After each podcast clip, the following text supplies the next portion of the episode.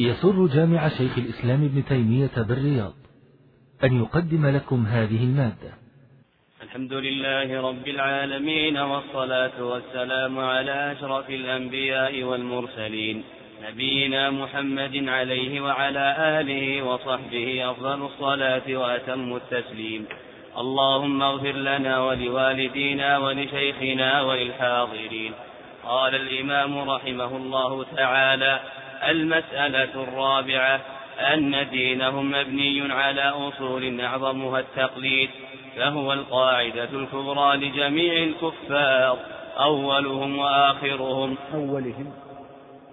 فهو القاعدة لجميع الكفار أولهم وآخرهم كما قال تعالى وكذلك ما أرسلنا من قبلك في قرية من نذير إلا قال مترفوها إنا وجدنا آباءنا على أمة وإنا على آثارهم مقتدون. وقال تعالى وإذا قيل لهم اتبعوا ما أنزل الله قالوا بل نتبع ما وجدنا عليه آباءنا. أولو كان الشيطان يدعوهم إلى عذاب السعير. فأتاهم بقوله قل إنما أعظكم بواحدة أن تقوموا لله مثنى وفرادا ثم تتفكروا ثم تتفكروا ما بصاحبكم من جنة وقوله اتبعوا ما أنزل إليكم من ربكم ولا تتبعوا من دونه أولياء قليلا ما تذكرون. الحمد لله رب العالمين وصلى الله وسلم وبارك على نبينا محمد وعلى آله وصحبه أجمعين. ذكر رحمه الله تعالى في هذه المسألة الرابعة أن الكفار قد بنوا دينهم على أصول ولكن أي أصول؟ الأصول تارة تكون أصولا من الباطل وتارة تكون أصولا من الحق. بنوا دينهم على جملة من الأصول الباطلة ولهم أيضا حجج لكنها كما قال تعالى حجتهم داحضة. فهم يتوهمونها أصولا تنفع تدل على شيء من الحجة وعلى شيء من الرسوخ في ما هم عليه من الباطل والواقع أنه والواقع بخلاف ذلك. فهي أصول من أصول الكفر والفساد والضلال. ذكر أن هذا الأصل الذي أنها أن من ضمن هذه الأصول التي بنوا عليها دينهم التقليد. والتقليد هو محاكاة الغير والتأسي به. وهو نوعان. منه تقليد ومنه تقليد من يستحق التقليد. فإن كان المقلد نبيا فهذا تقليد في محله وهو اتباع حق لأن الله أرسل أرسل الرسل صلى الله عليه وسلم وجعلهم على صراط مستقيم. فالماضي على هديهم لا يرتاب في أنه على هدى. قال الله تعالى عن يوسف عليه الصلاة والسلام واتبعت ملة آبائي إبراهيم وإسحاق ويعقوب. فهذا محل مدح لأنه جعل الاتباع في من يستحق.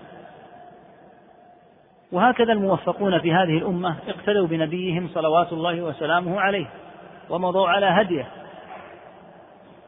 فهذا هو الذي بعث الله عز وجل الرسل مبشرين ومنذرين وجعلهم سبحانه وتعالى محل الأسوة. قال الله عز وجل لقد كان لكم في رسول الله أسوة حسنة. هو أسوة حسنة فيقتدى به ويمضى على أثره صلوات الله وسلامه عليه. النوع الثاني من التقليد اتباع من لا يستحق التقليد. كاتباع المشركين آباءهم لمجرد كونهم آباءهم. هذه هي حجتهم يتبعون آباءهم لا لعلم عندهم ولا لكونهم ذوي أثارة من آثار النبوة وإنما يتبع أباه لأنه أبوه كالطفل الذي لا يعرف إلا أباه فالحق عنده فيما عليه أبوه. هذا أمر لا يستغرب من طفل صغير لكن من جعل من جعلهم الله تعالى موضع التكليف يقول أنا سأتبع أبي وإن كان أبوك ضالا زائغا فطريقتهم هي اتباع هي تقليد من يعظمونه ولا سيما من آبائهم. ذكر الله عز وجل في الآية الأولى أن هذا أمر شائع في جميع الكفار. قال تعالى وكذلك ما أرسلنا من قبلك في قرية من نذير إلا قال مترفوها إنا وجدنا آباءنا على أمة. فدل والعياذ بالله على أن هذا على أن هذه سنة فيهم ماضية في أهل الكفر جميعا. ما أرسلنا من قبلك في قرية من نذير إلا قال مترفوها وهم أهل التنعم. قالوا ما يزعمون أنه حجة. إنا وجدنا آباءنا على أمة وإنا على آثارهم مقتدون. فهم ماضون على ما كان عليه آباؤهم على ما كان عليه آباؤهم. ذكر تعالى عنهم أنهم بآبائهم مقتدون. في الآية الثانية ذكر تعالى أنهم يتبعون آباءهم. وإذا قيل لهم اتبعوا ما أنزل الله حيث العلم والهدى والبيان والشفاء والنور أعرضوا عن هذا ولم تكن عندهم حجة إلا قولهم بل نتبع ما وجدنا عليه آباءنا.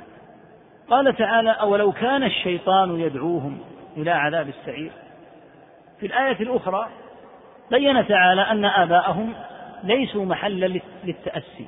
في آية أخرى في آية أخرى في سورة المائدة لم يذكرها المصنف رحمه الله وهي قول الله تعالى أولو كان آباؤهم لا يعلمون شيئا ولا يهتدون. يتبعون آباءهم. فإذا كان آباؤهم ليسوا من أهل الهدى ولا من أهل العلم أيتبعونهم حتى يهلكوا هلكتهم؟ فالحاصل أن من طريقة أهل الكفر ومن الأصول التي مضوا عليها ومن الحجج الداحضة التي ظلوا يرددونها أنهم وجدوا, آباءهم على هدي وعلى سنن معين فهم ملازمون له. يجمعهم الله تعالى مع آبائهم وأسلافهم في جهنم. فيجتمع المقلد والمقلد. قال تعالى ولن ينفعكم اليوم إذ ظلمتم أنكم في العذاب مشتركون. فيشترك المقلد ويشترك المقلد في العقوبة.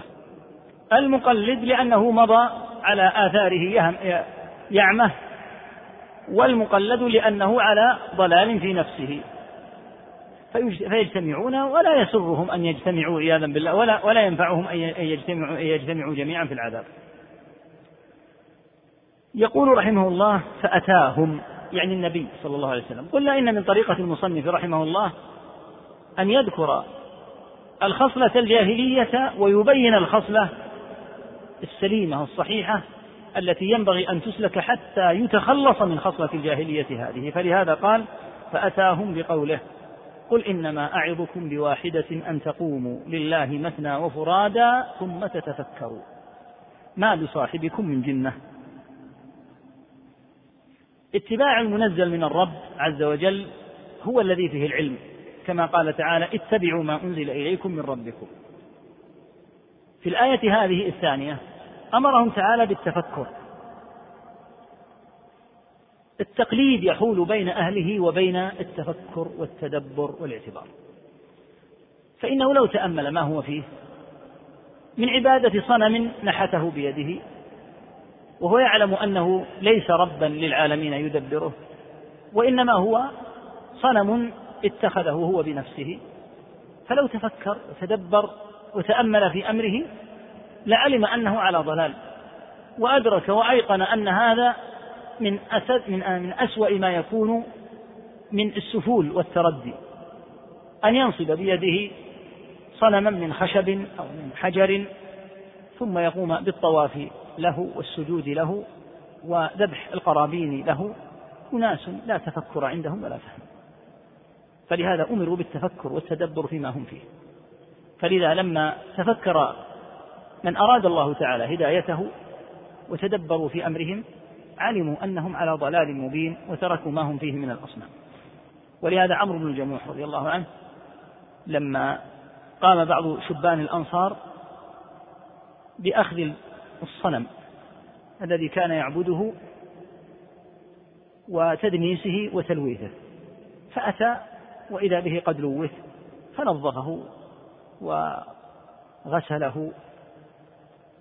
ثم إنهما منهما معاذ بن جبل رضي الله عنه أخذا هذا الصنم وربطاه في كلب ودلياه في بئر هو والكلب. كلب ميت مقصود كلب ميت. فأخذ هذا الكلب الميت وربطاه بالصنم ودلياه في بئر. أتى يبحث. ويحكم من أخذ ربنا؟ وصار يبحث يبحث. فوجده مدلا مع هذا الكلب الجيفة في بئر. فعلم أن هذا لو كان يدفع عن أحد لدفع عن نفسه فأسلم بعد ذلك. فإذا تفكروا وتدبروا فيما هم فيه أيقنوا هذا. وهكذا أهل الكفر الآن. لو تدبر هؤلاء الملاحدة والزنادقة في أمر هذا العالم وما جعل الله عز وجل فيه من الآيات والعبر والدلائل العظيمة التي جعلها سبحانه وتعالى قائمة في الأنفس. وجعلها سبحانه وتعالى في الآفاق كما قال سبحانه سنريهم آياتنا في الآفاق وفي أنفسهم حتى يتبين لهم أنه الحق.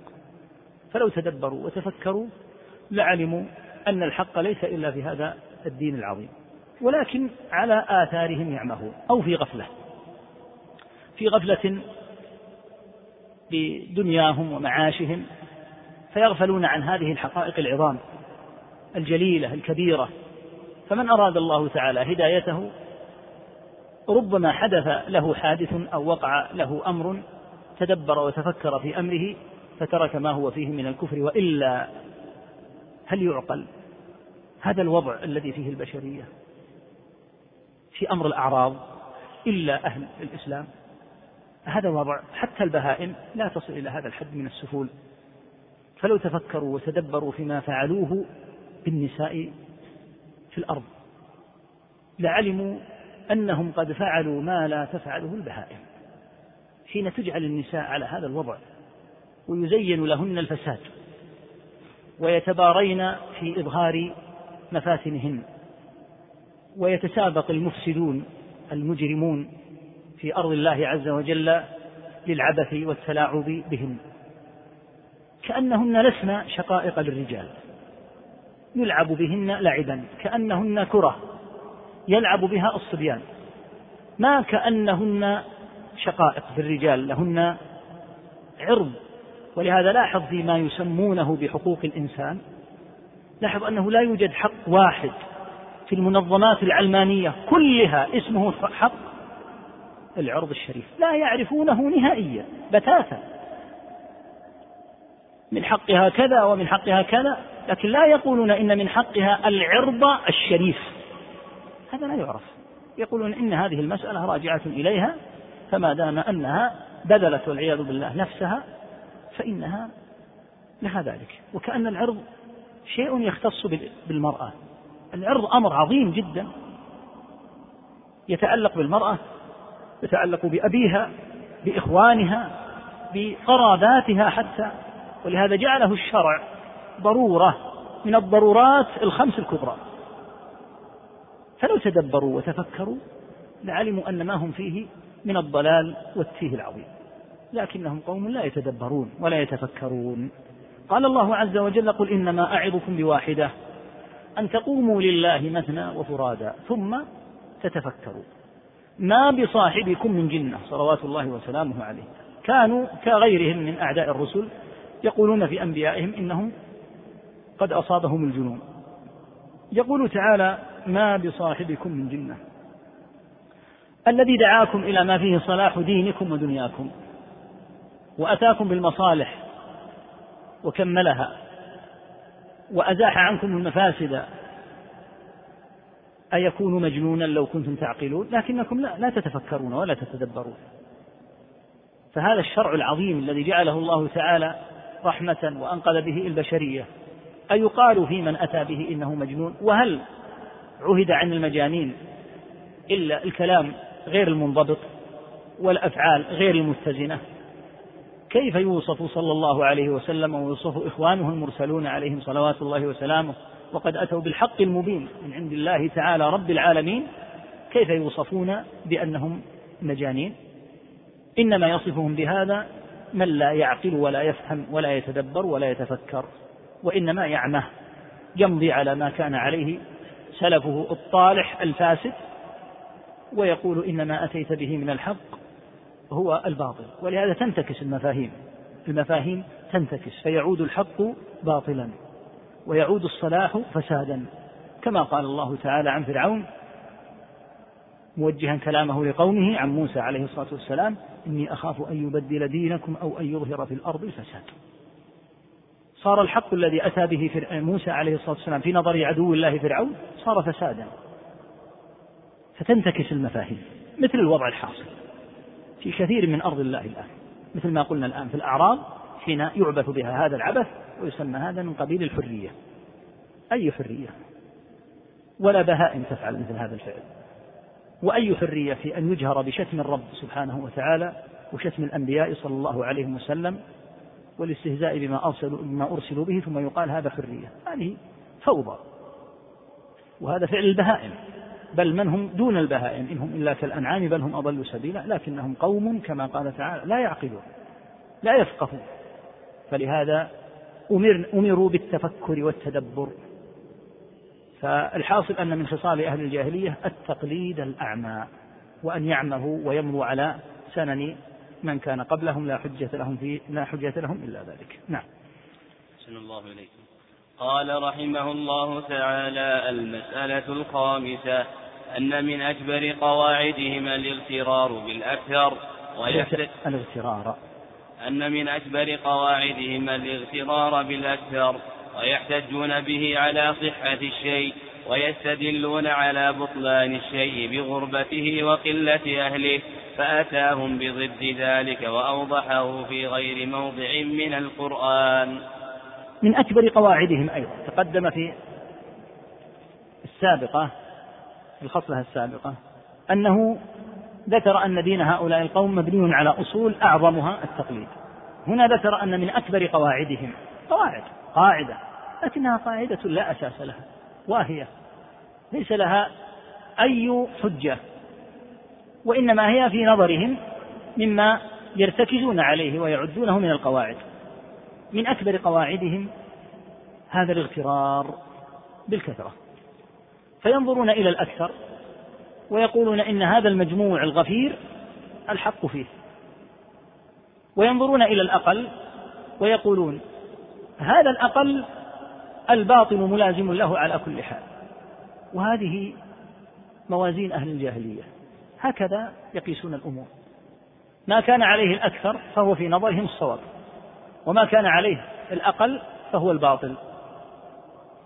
هكذا يفعل من لا يعرف الحجج ولا يفقه موارد العلم والاحتجاج. هذه الكثرة لا شك أنها قد جاءت النصوص دالة على أن أكثر الناس على غير الصواب. قال الله عز وجل وإن تطع أكثر من في الأرض يضلوك عن سبيل الله. ولم يقل تعالى وإن تطع كثيرين. قال وإن تطع أكثر من في الأرض يضلوك عن سبيل الله. إن يتبعون إلا الظن وإن هم إلا يخرصون. فلما كانوا ليس عندهم حجج. إنما هي مجرد التخرصات والظنون صاروا على باطل. وإن كانوا بالملايين وإن كانوا بالملايين. يجتمعون على هذا الباطل وتهواه نفوسهم.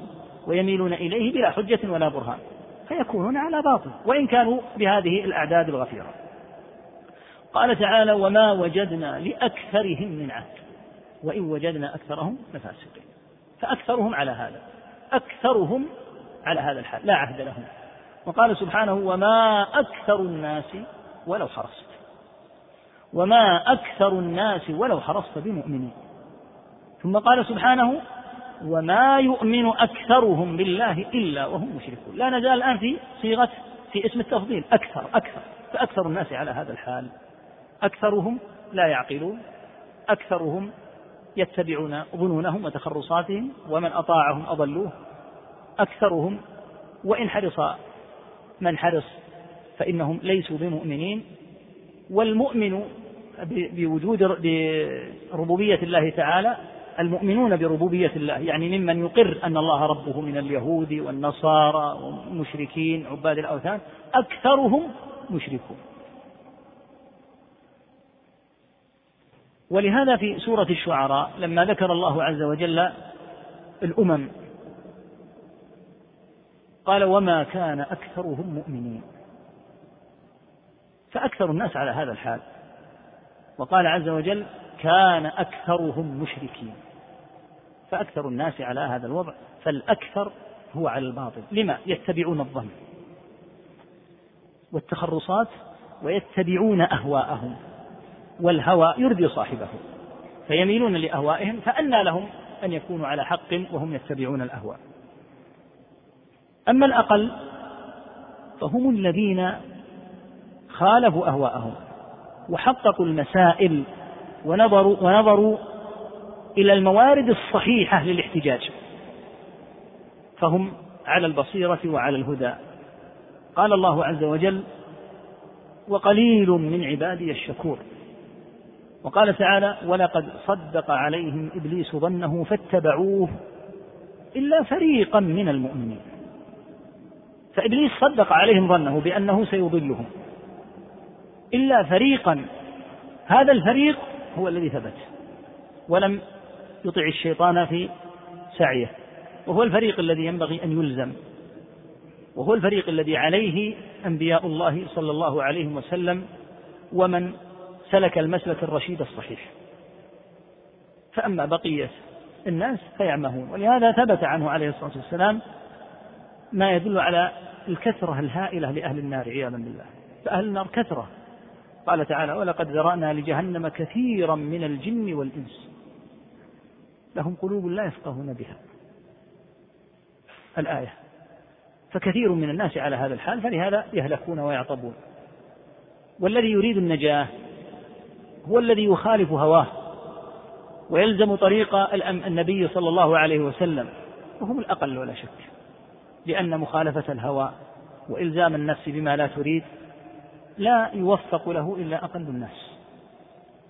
وإذا تأملت أنت وضع الناس وأحوالهم وجدت المنصاع لأمر الله عز وجل المؤثر لأمر الله تعالى على هوى نفسه وجدتهم قليلا. ووجدت أكثر الناس مؤثرين لأهوائهم مقدمين لها حتى في فرائض الله العظام كالصلوات ونحوها. يؤثرون أهواءهم من تجارة ومن نوم ومن لعب ولهو يؤثرونها حتى على الصلاة. وهكذا إذا جاءت المسائل المالية. كثير من المعاملات المالية يعلم أصحابها أنهم آثمون بفعلها ومع ذلك من لا يحصيهم إلا الله عز وجل يدخلون في هذه المعاملات المحرمة. وهكذا الزكاة. الله تعالى في الزكاة أعطى العبد في كل مئة سبعة وتسعين ونصف. وأمره بإخراج اثنين ونصف في المئة.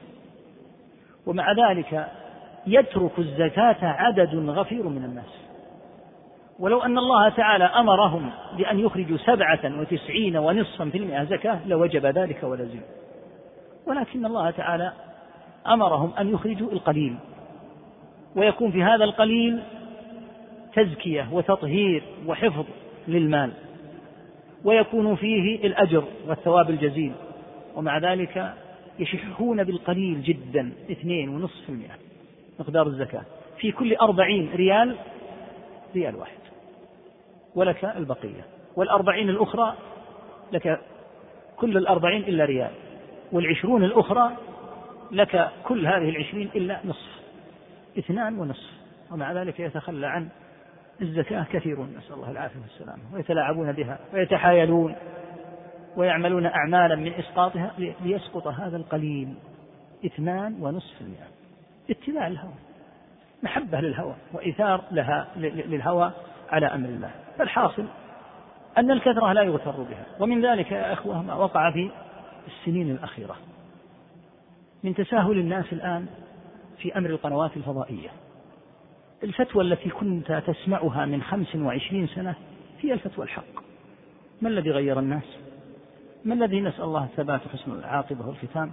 غير أناسا كانوا يصرخون بأعلى أصواتهم ويوزعون الأوراق في تحريم القنوات الفضائية. فلماذا صاروا من رواد القنوات الفضائية؟ اتباع الهوى. كل الناس وضعوا هذا. هكذا يزعمون. أولا لا يزال ولله الحمد في الناس من يخاف الله ويتقيه ويحفظ سمعه وبصره من النظر إلى هذه المحرمات.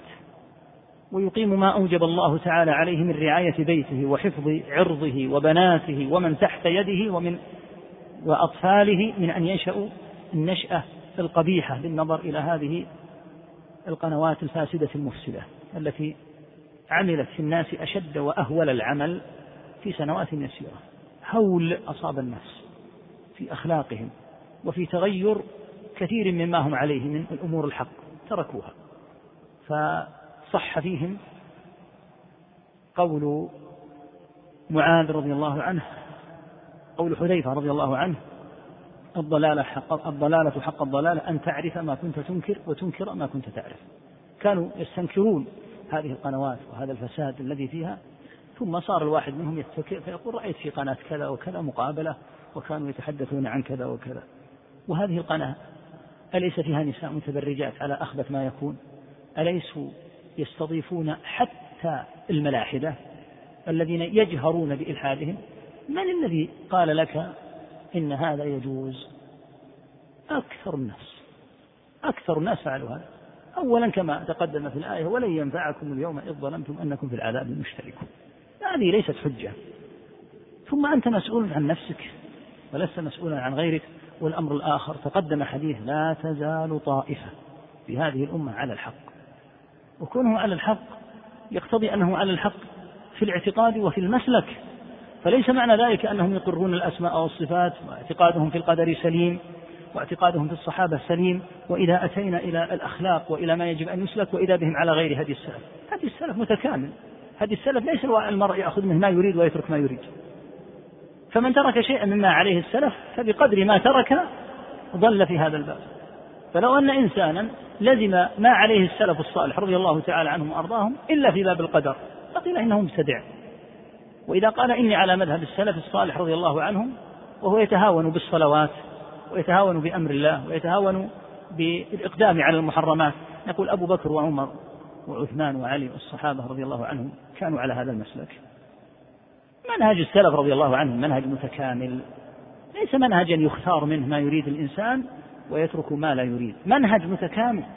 حتى في السلوك ولهذا لاحظ في عقيدة أهل السنة كثيرا ما ينصون على مسائل متعلقة بالسلوك والأخلاق فليس هو مجرد اعتقاد غيبي بل هو اعتقاد ومعلوم عند أهل السنة أن الإيمان قول واعتقاد وعمل. فهذا مما وقع فيه كثيرون ولسان حالهم بل مقالهم أن يقولوا كل الناس فعلوا هذا. وهكذا من يسافرون بنسائهم إلى بلاد العهر والكفر والفجور. كثر هذا للأسف وكانوا يستنكرونه. ماذا تريدون من الذهاب في هذه الصيف في هذه في هذه إجازات الصيف؟ قال نريد السياحة. يعني ليس عندكم علاج وليس عندكم ضرورة. وليس عندكم ما يقتضي أن تذهبوا. لا. ومن الذي قال إن هذا يجوز؟ من جوز أن تذهبوا إلى بلاد العفر والفجور والكفر الذي يرى الفجور في الأسواق وفي الشوارع؟ من قال إن هذا يجوز؟ ألا تخشى أن تهلك في وسطهم وأن تموت؟ قال صلى الله عليه وسلم أنا بريء من مسلم يقيم بين المشركين. ما تخاف من هذا؟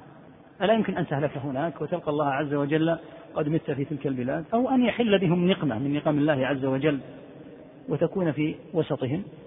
من قال إن الذهاب إلى بلادهم للنظر إلى ما عندهم من مياه ومن أشجار ونحوه إن هذا جائز. والذين أفتوا بهذا لم يصيبوا بلا أدنى شك. والفتاوى للأئمة الكبار سواء من مشايخنا الكرام الشيخ عبد العزيز بن باز وأمثاله موجودة. وهذه مسألة مذكورة في كتب الفقه. أن بلاد الكفر إنما يذهب لها بضوابط. ما يذهب أي أحد. ليس كل أحد يصح أن يذهب لأنه ذهب أناس لم تنطبق فيهم الشروط التي ذكرها أهل العلم ففقدوا أعظم شيء يفقد هو دينهم. نسأل الله العافية والسلام بل بعضهم ارتد وبقي في تلك البلاد وأبى أن يرجع. وآخرون أتوا ببلاياهم وأفكارهم وصاروا ينشرونها. ما الذي غير الناس؟ الذي غير الناس هو غربة الدين وقلة المستمسك بالحق ونظر الناس إلى الكثرة فينظرون إلى ما عليه الكثير ويقولون الناس صاروا كذا وكذا. والله المستعان. هذا قديم لما كان الناس على حال كذا وكذا. هذه حجة تدلي بها عند الله عز وجل. ليست حجة. تغير الناس ليس دليلا. الحاصل أن هذا مما يقع حتى للأسف من أهل الإسلام. فأصل هذه السلام ورحمة الله وبركاته. أصل هذه الخصلة الجاهلية موجودة في الكفار لكن لها للأسف الشديد كما قلنا إن الخصلة وإن وجدت في المسلم إلا أنها تكون خصلة من خصال أهل الجاهلية وهو مسلم فيتفطن إلى مثل هذا ويحرص طالب العلم على العلم وأن يؤصل أموره بعد توفيق الله تعالى على مسائل من العلم وعلى السلامة من أن ينظر إلى الكثرة على أي شيء هم وإنما ينظر إلى هدي رسول الله صلى الله عليه وسلم وقد ثبت عنه عليه الصلاة والسلام أنه قال عرضت علي الأمم فرأيت النبي ومعه الرهط الرهط الجماعة دون العشرة والنبي ومعه الرجل والرجلان والنبي وليس معه أحد. يعني يأتي نبي في أمة دعا فيها ما شاء الله من المدة وأظهر الله تعالى من الدلائل على صدقه ما شاء ولم يتبعه إلا رجل. والنبي الآخر اتبعه رجلان. والنبي الآخر اتبعه الرهط. ويأتي النبي وليس معه أحد. لم يؤمن به في أمته أي أحد. دل على أن الكثرة هالكة.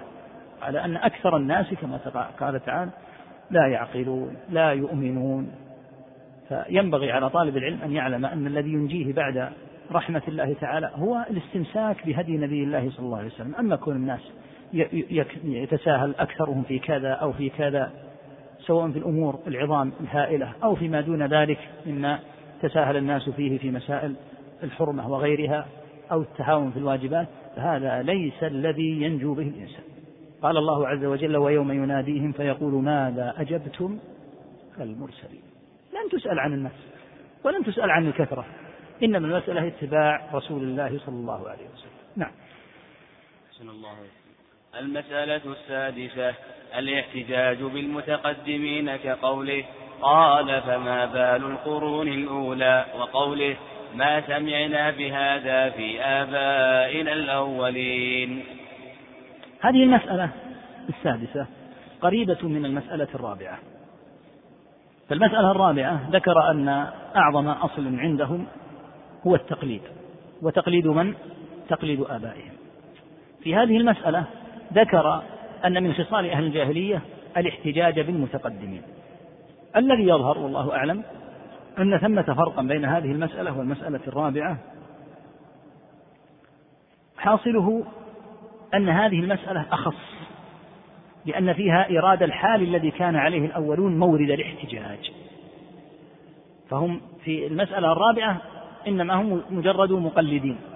أما هنا فهم يحتجون احتجاجا. ويجعلون ما عليه المتقدمون حجة في نفسه. ولهذا قال تعالى أورد قول الله تعالى عنهم ما سمعنا بهذا في آبائنا الأولين. صار الاحتجاج عندهم على على هذا النحو. وهكذا قول فرعون لموسى فما بال القرون الأولى؟ احتجاج بما كان عليه أهل القرون الأولى التي تقدمت قبله. فهذا هو فيما يظهر وجه الفرق بين هذه المسألة والمسألة الرابعة. وهذا قطعا صنع من لا يفهم موارد الاحتجاج. فالحجة ليست فيما كان عليه المتقدمون. ما سمعنا بهذا وإذا لم تسمع به المتقدمين. يضر العلم ألا تسمع به. تكون أنت قد جهلته وجهله من قبلك. فهذه الطريقة في الاحتجاج. ما سمعنا بهذا. أو مثل قول بعض الناس إذا سمع حديثا فلنا قال لم أسمع به.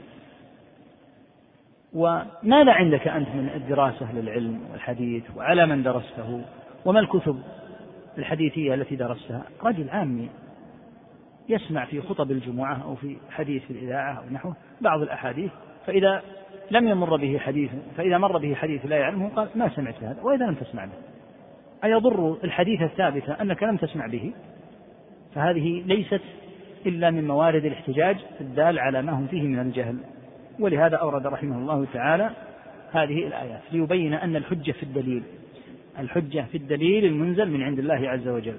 أما مجرد الاحتجاج بالمتقدمين في القرون الأولى أو أنهم لم يسمعوا بما سمعوا به من الحق عند آبائهم المتقدمين فليس هذا من موارد الاحتجاج عند من يعلم. نعم. الله عليك. المسألة السابعة الاستدلال بقوم أعطوا قوى في الأفهام والأعمال وفي الملك والمال والجاه. فرد الله ذلك بقوله ولقد مكناهم في ماء مكناكم فيه وقوله وكانوا من قبل يستفتحون على الذين كفروا فلما جاءهم ما عرفوا كفروا به وقوله يعرفونه كما يعرفون أبناءهم ذكر رحمه الله تعالى في هذه الخصلة أن هؤلاء الجاهليين يستدلون بأناس أعطوا خمسة أشياء. الأمر الأول أنهم أعطوا قوى في الأفهام فإنهم ذكاء. وأعطوا قوى في الأعمال فلديهم قوة في الأعمال ليست في غيرهم وهكذا قوتهم في الملك والتمكين. القوة الرابعة القوة المالية كونهم ذوي ثراء. القوة الخامسة كونهم من أهل الجاه فيحتجون بهؤلاء. أين الحق؟ عند أهل الفهم. والمقصود بالفهم هنا يراد به الفهم الدنيوي بأن يكونوا من ذوي الدراية والمعرفة والحذق وقد يكونون أيضا من ذوي الفهم والدراية الدينية لكنهم لم ينتفعوا بفهمهم كما سيأتي بيانه في الآية إن شاء الله تعالى. فيقولون إن ذوي الذكاء وذوي الفهم المسار الذي يسيرون عليه هو الحق كما اغتر كثيرون الآن بما عليه الغربيون من التمكين والوصول إلى أمور في مسائل الدنيا عجيبة وغريبة ما كان كثير يتصورها في سنين مرت فقال هؤلاء الدليل على أنهم على حق وعلى صواب هذا الانفتاح الذي فتحه الله تعالى عليهم في أفهامهم. ولم يعلم أن الله تعالى يفتح للناس من مثل هذه الأمور فتحا كثيرا ثم يزيدهم سبحانه وتعالى حتى يؤخذ على حين غرة. فمجرد كونهم ذوي فهم لا يدل أنهم على حق لأنه قد يكون عنده فهم في أمور الدنيا وجهل بالغ بأمور الدين. هذا أولا. الأمر الآخر أنه قد يكون عنده فهم كما سيأتي في بيان الآية إن شاء الله تعالى في أمور الدين لكنه لم يعمل به ولم ينتفع به. فليس مجرد الفهم دون عمل دالا دون عمل على هذه النبوة لا يكون دالا على أن هذا صاحب حق. وهكذا القوى في الأعمال. قد آتى الله سبحانه وتعالى من قبلنا من التمكين ما لم يؤته من بعدهم. ولقد مكناهم فيما إن مكناكم فيه جعلنا لهم سمعا وأبصارا وأفئدة. فما أغنى عنهم سمعهم ولا أبصارهم ولا أفئدتهم من شيء. مكنوا تمكينا عظيما. بل مكن لبعض من قبلنا تمكين مكن لبعض من قبلنا تمكين عظيم لم يمكن لمن بعدهم. فما مكنه الله تعالى ما مكن الله تعالى منه قوم عاد أمر عجب. ولهذا اغتروا بقوتهم. وقالوا من أشد منا قوة؟ قال تعالى أولم يروا أن الله الذي خلقهم هو أشد منهم قوة. فأوتوا قوة لكنها لم تنفعهم. وهكذا الملك الواسع وهكذا الملك الواسع. بعض الفراعنة ظل ملكا سنين طويلة جدا من عمره. ومكن لقوم فرعون من ناحية الملك تمكينا شديدا. وهكذا مكن في القرون الأخيرة لعدد من الغربيين. مكن لهم تمكين عظيم حتى يتفاخر بعضهم بأن الشمس لا تغيب عن مملكته وأن مجموع الأميال الكبيرة في آسيا وفي أفريقيا وفي أوروبا التي كان يملكها مثل البريطانيين وأمثالهم كانت الشمس لا تغيب بمعنى أنها إذا غابت في هذا الموضع الذي احتلوه في مثل هذه المناطق العربية فإنها تكون في مناطق أخرى في أوروبا وفي غيرها تكون الشمس لم تغب فمجموع ما يملكونه لا تغيب عنه الشمس ثم صاروا في بقعة صغيرة مضمحلة وذهب ذلك الملك الذي كانوا يتفاخرون به. فكونهم ذوي ملك واسع لا يدل على أنهم على حق. وهكذا أهل المال. النبي صلى الله عليه وسلم يقول إن الله يعطي الدنيا من يحب ومن لا يحب ولا يعطي الدين إلا من يحب. فالمال يكون للخير ويكون للفاسد. فكونه ذو فكونه ذا مال لا يعني أنه على حق. وهكذا الجاه والمناصب والرفعة وتمكنه من القرب من القرار وأهله. لا يدل أنه على حق. لا من عنده الملك ولا من عنده الجاه ولا من عنده المال ولا من عندهم الأفهام ولا من عندهم الأعمال. فرد الله ذلك. يعني رد الله تعالى هذه الخصلة الجاهلية في استدلالهم على أن الحق عند من أعطوا هذه القوى بقوله ولقد مكناهم فيما إن مكناكم فيه. بقية الآية يوضح المراد. هو رحمه الله يعطي طرف الآية بعض الأحيان كغيره من أهل العلم ويريد من طالب العلم أن ينظر في بقيتها من باب الاختصار. ولقد مكناهم فيما إن مكناكم فيه وجعلنا لهم سمعا وأبصارا وأفئدة فما أغنى عنهم سمعهم ولا أبصارهم ولا أفئدتهم من شيء. فلم تفدهم ولم ينتفعوا بتلك الأمور التي مكنوا منها. وهكذا قوله تعالى وكانوا من قبل يستفتحون على الذين كفروا فلما جاءهم ما عرفوا كفروا به. الآية نزلت في اليهود. كانوا قد أتوا المدينة لعلمهم أن مهاجر النبي الذي ذكر الله تعالى في كتبهم سيكون في المدينة وإلا فقد كانوا في الشام. ولا أحد يأتي من الشام وما فيه من العيشة الرغيدة ومن الراحة وكثرة المآكل والمشارب وكثرة الموارد المالية إلى المدينة. ذات الحمى التي يضرب بها المثل فيقال حمى يثرب وذات الموضع الذي ذكرنا أن العرب لا يوجد عندهم نظام حيث كان الجانب القبري هو الشائع فكانوا يتقاتلون وكان الأوس والخزرج تنشب بينهم الحروب ويقتل بعضهم بعضا وبينهم من الأحقاد ما الله به عليم ثم إن العيشة في المدينة ضنك من جهة المعيشة المادية. فما الذي جعل اليهود يتركون تلك البلاد إلى المدينة. علمهم بأن مهاجر النبي الخاتم صلى الله عليه وسلم في المدينة وكانوا يعلمون هذا مع علما تاما كما في الآية بعدها. الذين آتيناهم الكتاب يعرفونه كما يعرفون أبناءهم فكانوا يعرفون النبي صلى الله عليه وسلم بوصفه. فالنبي صلى الله عليه وسلم ذكر في التوراة باسمه وفي الإنجيل. قال تعالى يجدونه مكتوبا عندهم في التوراة والإنجيل وذكر كعب الأحبار رحمه الله قال إن اسم النبي صلى الله عليه وسلم في التوراة محمد ومهاجره المدينة ومولده في مكة أو كما قال. هذا كان معلوما عندهم علما تاما وكانوا يستفتحون على الذين كفروا. كانوا إذا جاء بينهم وبين الأنصار وبين الأوس والخزرج شيء من الخصمة أو الخلاف قالوا إنه قد أضل زمان نبي نتبعه ونقتلكم معه قتل عاد. كانوا يظنون أن هذا النبي سيخرج منهم. والنبي منصور. الله تعالى سينصره. فيعلمون أن دينهم سيعم الأرض. فكانوا يتهددون الأوس والخزرج بهذا النبي. ومع ذلك ما استفادوا من علمهم. هذا هو الشاهد. فلما بعث الله نبيه محمدا صلى الله عليه وسلم كفر هؤلاء به مع علمهم به ودرايتهم التامة أنه رسول الله صلى الله عليه وسلم حقا كما قال تعالى يعرفونه كما يعرفون أبناءهم. ولهذا قد يحمل العلم من لا ينتفع به نسأل الله العافية والسلامة. قد يحمل العلم ويؤديه إلى غيره ولا ينتفع هو به. لما كان النبي صلى الله عليه وسلم في مكة كان يعرض نفسه على القبائل.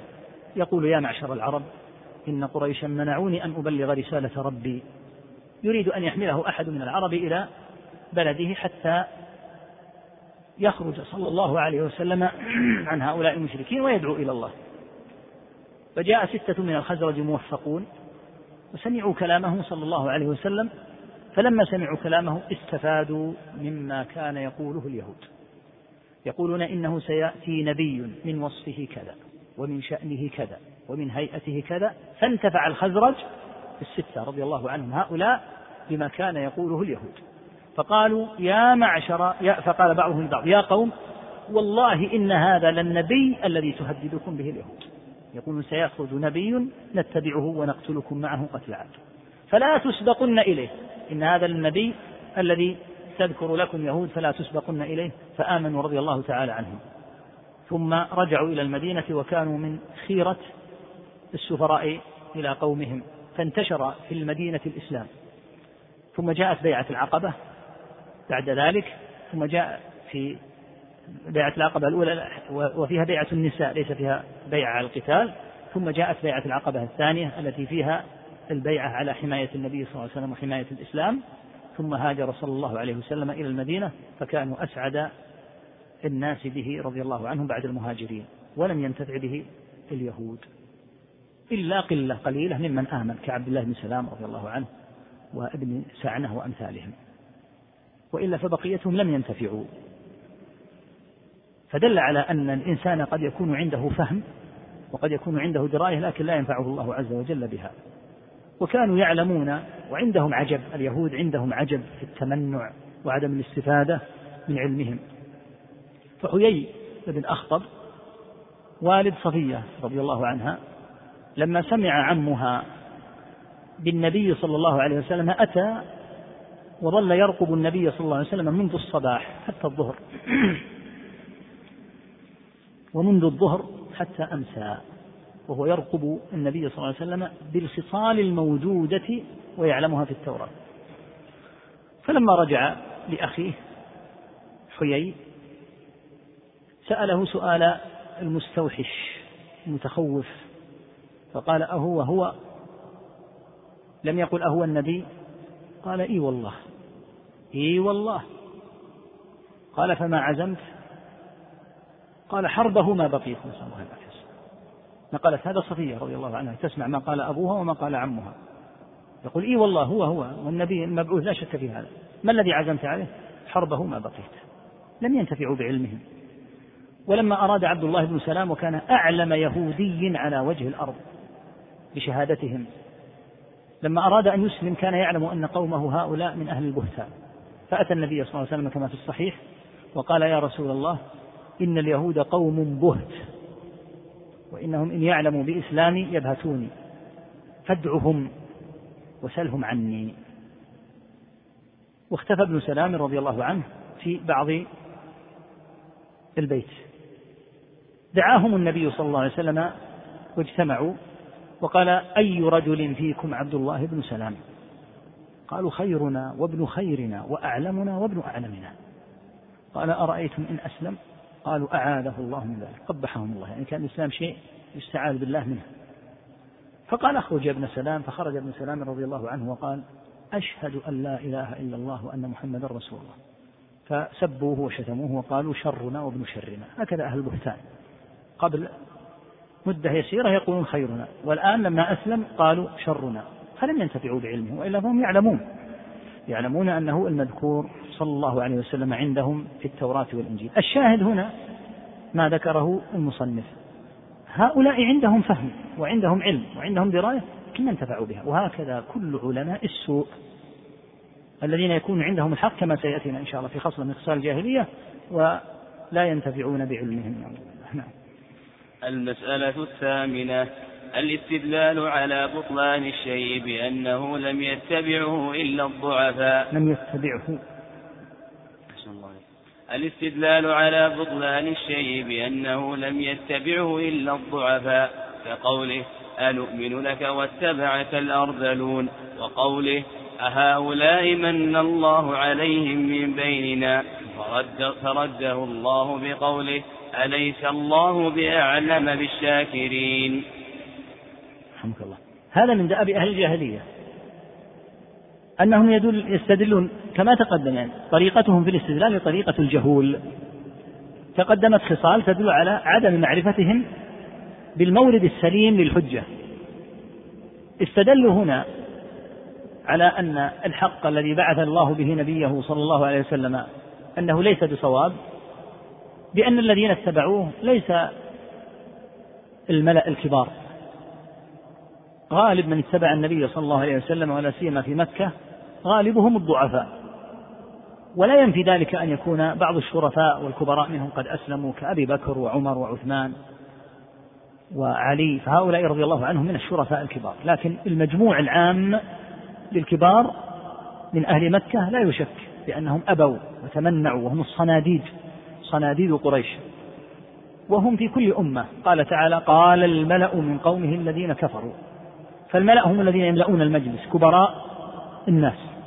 هؤلاء في الغالب متمنعون على الحق لأن لهم زعامات ورئاسات جعلوها وتسلطوا على الناس بها. والدين جاء بالعدل والإنصاف وهم لا يريدون أن تسقط هذه الزعامات الباطلة التي تسلطوا من خلالها على الناس. فقالوا إن الدليل على أن ما أنت عليه ليس بصواب أنك لم يتبعك إلا الضعفاء. ولو كان الذي أتيت به حقا لاتبعك الشرفاء والكبراء والوجهاء. قال الله عز وجل قالوا أنؤمن لك واتبعك الأرذلون؟ هذا قاله قوم نوح لنوح. يقصدون الضعفاء والأراذل الذين لا يساوون شيئا. كيف نؤمن؟ وأنت لم يتبعك إلا هؤلاء. هذه طريقتهم في الاحتجاج. وهكذا قولهم فيما يتعلق بالصحابة. لما آمن بالنبي صلى الله عليه وسلم بعض المستضعفين كعمار وبلال وصهيب وأمثالهم. يقولون أهؤلاء من الله عليهم من بيننا؟ أيعقل أيمكن أن يمن الله عز وجل على هؤلاء الأعبد وهؤلاء الضعفاء؟ ولا يمن علينا نحن. وأنتم من أنتم؟ نحن أهل المال وأهل الشرف وأهل الرفعة هل يمكن أن يمن الله عز وجل على هؤلاء المستضعفين ويتركنا نحن نحن ذو الرفعة والمكانة العلية. لا يمكن أن يمن الله على هؤلاء ويدعونا. إذا فهذا دليل على أن هذا الذي بعث به باطل. هكذا موارد الجاهليين. رد الله عليهم بقوله أليس الله بأعلم بالشاكرين؟ الله تعالى هو الأعلم بمن يستحق أن يهدى. وقد بين تعالى أنه صرف أناسا عن هدايته عياذا بالله لأنهم ليسوا موضعا للهداية. يقول تعالى في الرسالة الله أعلم حيث يجعل رسالته فلا يرسل أي أحد سبحانه وكذلك هو أعلم حيث يجعل هدايته فلا يهدي أي أحد إنما يهدي من يعلم سبحانه وتعالى أنه محل للهداية ويضل سبحانه وتعالى من لا يستحق أن يهدى. ولهذا قال تعالى في شأن الكفر وأهل في شأن الكفرة. لما ذكر سبحانه وتعالى أنهم شر الدواب إن شر الدواب عند الله الصم البكم الذين لا يعقلون ولو علم الله فيهم خيرا. لأسمعهم. ولو أسمعهم لتولوا وهم معرضون. فهو يعلم سبحانه وتعالى أن هؤلاء المتغطرسين المتكبرين هم الذين ليسوا أهلا للهداية فأضلهم. ولهذا صاروا يستدلون بمثل هذه الأدلة الداحضة. فيقولون الدليل على أن على أن الذي بعث به محمد صلى الله عليه وسلم باطل أنه لم يتبعه إلا فلان وفلان وفلان ولم أتبعه أنا. فلو كان صوابا لاتبعته أنا. اتبعه فلان اتبعه أبو جهل وأمية وفلان وفلان. أما أن يتبعه هؤلاء الضعفاء هذا الدليل على أنه باطل. فقال تعالى أليس الله بأعلم بالشاكرين؟ فهو الأعلم سبحانه وتعالى بموضع هدايته. نعم. المسألة التاسعة الاقتداء بفساقة العلماء والعباد. عندك ف... عباد؟ ولا وجهال؟ وجهال العباد. المسألة التاسعة الاقتداء بفسقة العلماء والجهال. فأتى بقوله وجهال العباد. ليس الجهال مطلقا وإنما جهال العباد. نعم. الاقتداء بفسقة العلماء وجهال العباد. فأتى بقوله يا أيها الذين آمنوا إن كثيرا من الأحبار والرهبان ليأكلون أموال الناس بالباطل ليأكلون أموال الناس بالباطل ويصدون عن سبيل الله.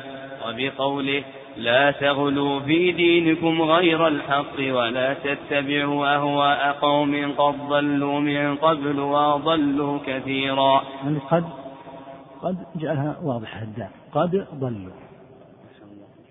وبقوله لا تغلوا في دينكم غير الحق ولا تتبعوا أهواء قوم قد ضلوا من قبل وأضلوا كثيرا وضلوا عن سواء السبيل. العلم شرف لأهله والعبادة شرف لأهلها. والأصل أن أهل العلم مشاعل هدى ونور وأن الله تعالى جعلهم مبينين ووارثين لهذا العلم العظيم الذي جاء به نبي الله صلى الله عليه وسلم كما قال إن إن الأنبياء لم يورثوا دينارا ولا درهما وإنما ورثوا العلم فمن أخذه أخذ بحظ وافر فالعلم زين لأهله ورفعة إذا عملوا. أما إذا تعلموا العلم ولم ينتفعوا بما علمهم الله عز وجل فإنهم يكونون فسقة يعلمون الحق ويتركونه ويعلمون الباطل والمنكر ويعملونه. فهؤلاء هم فسقة العلماء. ولهذا لم يقل اقتداؤهم بالعلماء. الاقتداء بالعلماء من قبل العامة حق لكنهم يبحثون عن الفسقة. الذين يرخصون لهم وينظرون إلى أهواء الناس وهؤلاء فتنة لكل مفتون. بلية كبيرة جدا أن يوجد أحد لديه شيء من العلم ويستثمر هذا العلم في الفساد. وهذا مما خافه النبي عليه الصلاة والسلام. أخوف ما أخاف على أمتي كل منافق عليم اللسان فيكون عنده علم ولكنه في واقع الأمر منافق فاسق. فيستغل هذا وهذا حاصل وواقع. من أناس لم ينفعهم الله تعالى بعلمهم عياذا بالله واستثمروا هذا العلم في نشر الفساد والضلال والزيغ. ومن يتبعهم من العوام لهم هوى في الحقيقة. كثير من العوام يميز بين العالم المتقي لربه وبين الذي لديه علم لكنه من ذوي الفسق. فتميل أهواؤهم مع هؤلاء ليرخصوا لهم في معاملات معينة وليقولوا لهم إن بعض الواجبات ليست بواجبات ويسهلوا لهم باسم التيسير وأن هذا الدين جاء باليسر. جاء باليسر حيث يسر الدليل. لكن حيث أوجب الله لا تأمر الناس بأن لا تأمر الناس بأن يتركوا الواجب وتقول هذا تيسير هذا إفساد. فما أوجبه الله تعالى واجب. ومن زعم أنه ييسر الحكم بحيث يكون الواجب ليس بواجب بحيث يكون الواجب غير واجب فهذا ليس ممن ييسرون هذا ممن يفسدون في أرض الله تعالى وهكذا المحرمات. يقولون لا حاجة للتشديد. مسائل محرمة معلوم حرمتها ومعروفة ومع ذلك رخصوا فيها. هؤلاء هم فسقة العلماء. يقول من طريقة أهل الجاهلية أن يقتدوا بفسقة العلماء لا بأهل العلم المنضبطين على السنة. هذه خصلة من خصال أهل الجاهلية. قال وجهال العباد. من العباد من يغلب عليه انشغاله بالعبادة حتى تشغله العبادة عن العلم. ما الذي يقع من هذا العابد الجاهل؟ أنه يقتحم مسائل العلم للأسف. ويتحدث عنها ويتكلم فيها وهو وإن كان من ذوي العبادة والصلاح والديانة لكنه جاهل. الناس يحبونه لعلمهم بأنه من ذوي العبادة والصلاح وربما كان من ذوي الخشوع والصلاة الطويلة والصيام ودأب في الحج ونحوه فيحب لأجل ما فيه من العبادة وهذا في ذاته حق. لكن الإشكال أنه يقحم نفسه فيما لا يعلم. وهذا أيضا حاصل. أن بعض من يهتدون إلى الخير ويكونون في حال سابق عندهم غفلة عظيمة وإقدام على المحرمات فيقبلون على العبادة إقبالا شديدا ويكونون من ذوي الليل الطويل في صلاتهم ومن ذوي الاجتهاد الشديد في الصيام وفي العبادة وفي ختمات القرآن ونحو ذلك وهذا طيب بلا شك إذا لم يجاوزوا به السنة. لكن الإشكال أنهم يقسمون أنفسهم فيما لا يعلمون وهذا حاصل. طلعنا على عجائب. من أناس اقتحموا مجال التوجيه والإرشاد وصار يسمع لهم على نطاق من ألوف الناس ولم يهتدي الواحد منهم إلا منذ فترة محدودة. إذا رأيته وهو يتوضأ علمت أنه وضوء عامي. تقول انتبه إلى كذا وضوءك فيه ملحظ كذا. إذا صلى فإنك تجد في صلاته عدة ملحوظات تنبهه عليها كما تنبه العامي الجاهل. لأن سابقته لم تكن عن علم وبعضهم يكون قد غرق عياذا بالله في الشهوات والفساد سنين من عمره فلم يتعلم ولم يتعبد أصلا. فجاء مقبلا على العبادة إقبالا شديدا ولم يتعبد. وهذا ما حذر منه السلف. روى أحمد في الزهد خبرا كثيرا ما ننقله. أن عمر بن عبد العزيز رحمه الله قال من تعبد على غير علم كان ما يفسد أكثر مما يصلح. الذي سيفسده هؤلاء أكثر مما سيصلحون. وهكذا قال الحسن البصري فيما رواه أيضا عبد الله في زوائد الزهد. قريبا من هذا أن من عمل بغير علم قال نظرنا في الأمر فوجدنا أن من عمل على غير علم كان ما يفسد أكثر مما يصلح فيفسدون ينشرون أحاديث موضوعة يحسنون للناس جملة من الأعمال وتكون بدعا لا دليل عليها ويتلفظون بألفاظ لا تحل ولا تجوز ويشيع هذا في الناس بسبب إحسانهم الظن بهؤلاء العباد لكنهم جهال. ولهذا التصوف كيف نشأ؟ نشأ من خلال بعد أهله عن العلم كما قال ابن الجوزي في كتابه تلبيس إبليس يقول أول ما لبس الشيطان على أهل التصوف أنه صور لهم أن المطلوب هو العمل العمل يعني مثل العبادة والصيام ونحو ذلك الصلاة والصيام ونحوها. وليس المقصود إلا العمل دون العلم فتعبدوا دون علم.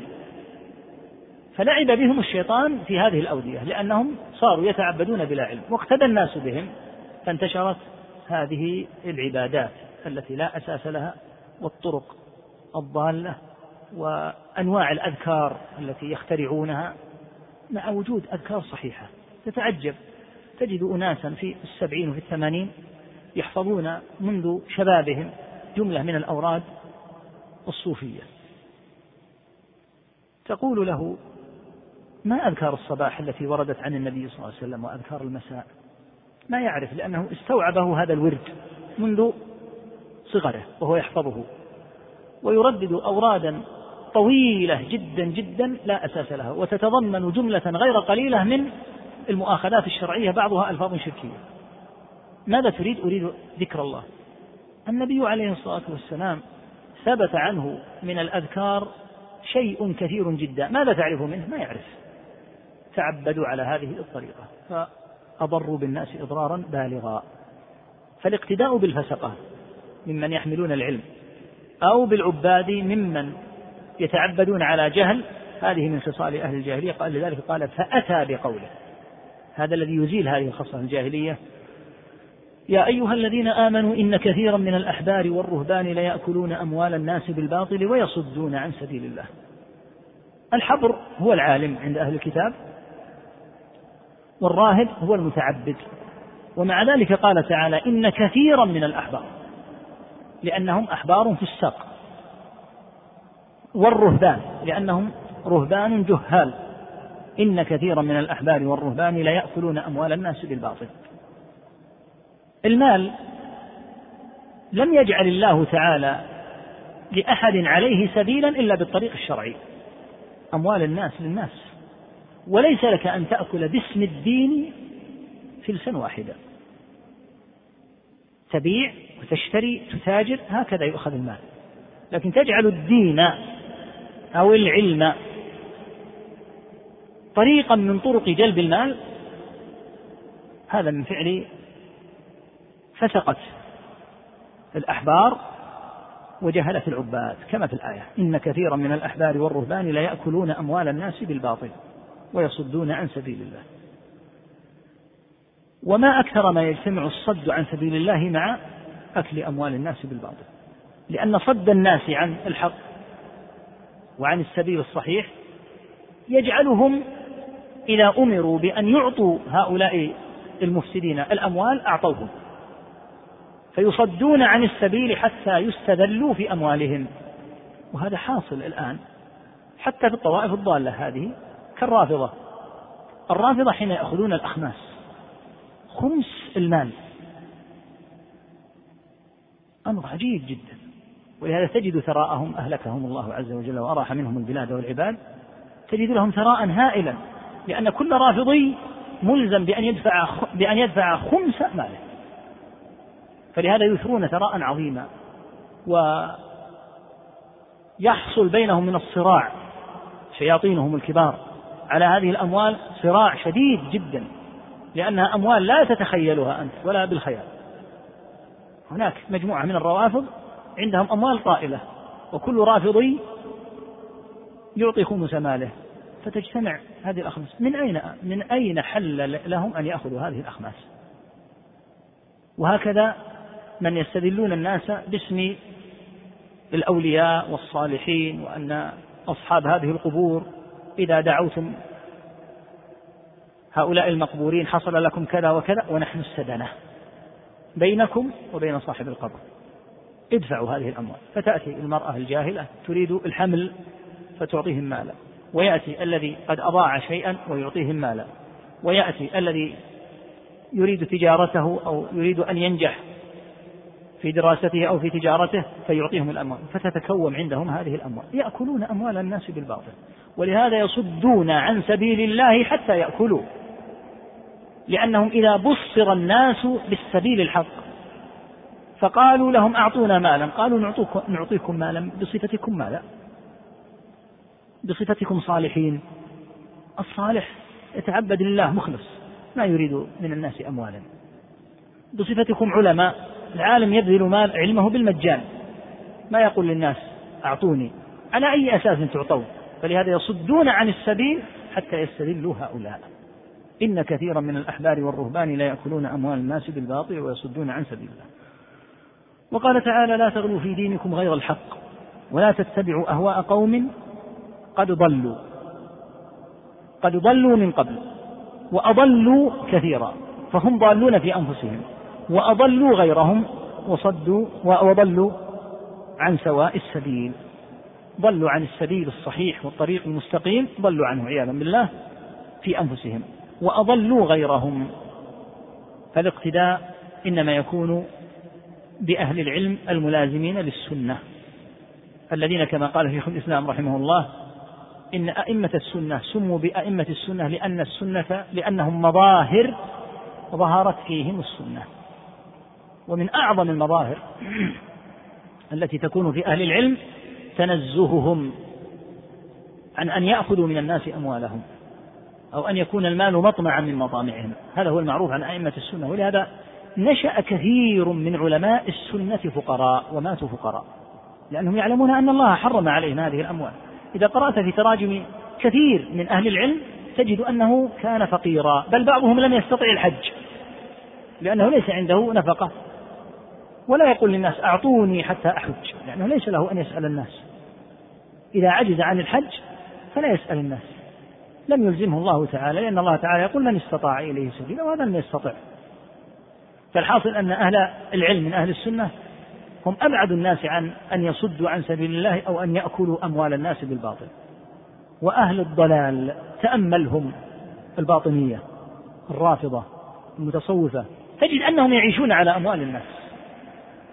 وتجد أنهم ينهبون الناس نهبا. بل إن طريقتهم في أخذ المال لم يقتصروا على المال يدلون الناس حتى يأخذوا منهم المال.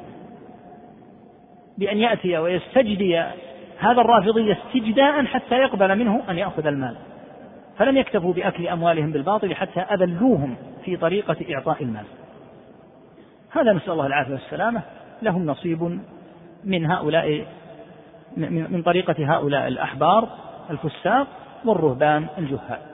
نعم. المسألة العاشرة الاستدلال على بطلان الدين بقلة أفهام أهله وعدم حفظهم كقوله. بادي الرأي. هذا مما يرمي به أهل الباطل أهل الدين دوما قديما وحديثا. يقولون إن هذا الدين دين باطل ويدلك في زعمهم على بطلانه أن أفهام أهله وعقولهم قاصرة. وهكذا علوم وهكذا علومهم علومهم معدومة لا علم عندهم وليس لديهم فهم ولا معرفة. كقوله تعالى عن قوم نوح ما نراك اتبعك إلا الذين هم أراذلنا. بادي الرأي. الأراذل كما تقدم المراد بهم الضعفاء. بادي الرأي ليس عندهم دراية وفهم بل بمجرد أن دعوتهم وافقوا. فليسوا من ذوي الفهوم والعلوم والمعرفة. هذا الداء موجود إلى يومك هذا. فأهل المناحي العلمانية والليبرالية كثيرا ما يتكلمون عن منهج السلف بالمذمة. وأن أفهام السلف متحجرة قاصرة وأن طريقتهم طريقة غير مناسبة. وربما تطاول بعضهم وصرح حتى بالتعدي على جناب رسول الله صلى الله عليه وسلم. وأن ما أتى به غير مناسب ولا يليق أن يكون في مثل هذه الأعصار. فهذه أمور قديمة ينبغي أن تهجر وتترك حتى قال أحد الزنادقة. ينبغي من المعاصرين. ما نقول إنها تجمع وتحرق لكن نقول إنها تبقى بمثابة الذكريات تحفظ هكذا. وإنما المعول على الحضارة الغربية. هكذا يقول أهل الزندقة والإلحاد. يقولون إن الدين في ذاته قاصر فالمستمسك به سيكون قاصرا.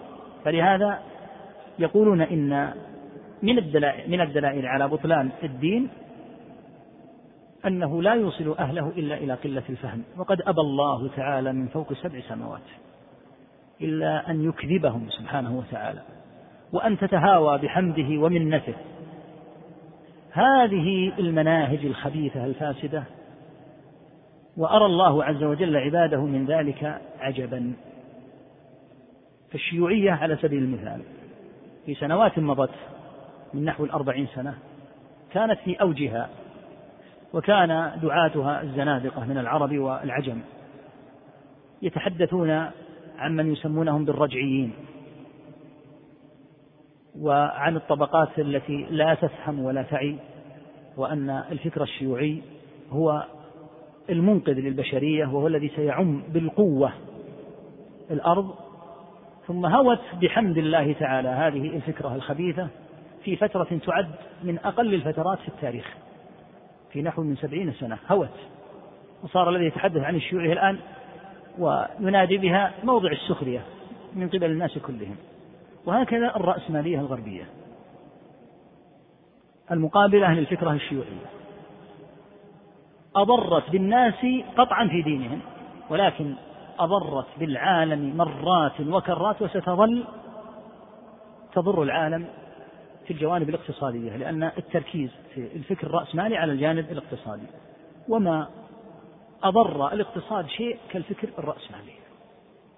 الذي يزعمون أنه هو قمة التحضر وصارت الهزات الاقتصادية في العالم تسقط دولا وتسقط مؤسسات اقتصادية كبرى حتى أنطق الله أعداءه من نحو السنتين بأن الاقتصاد الإسلامي هو الذي فيه الحفظ الحقيقي للاقتصاد العالمي.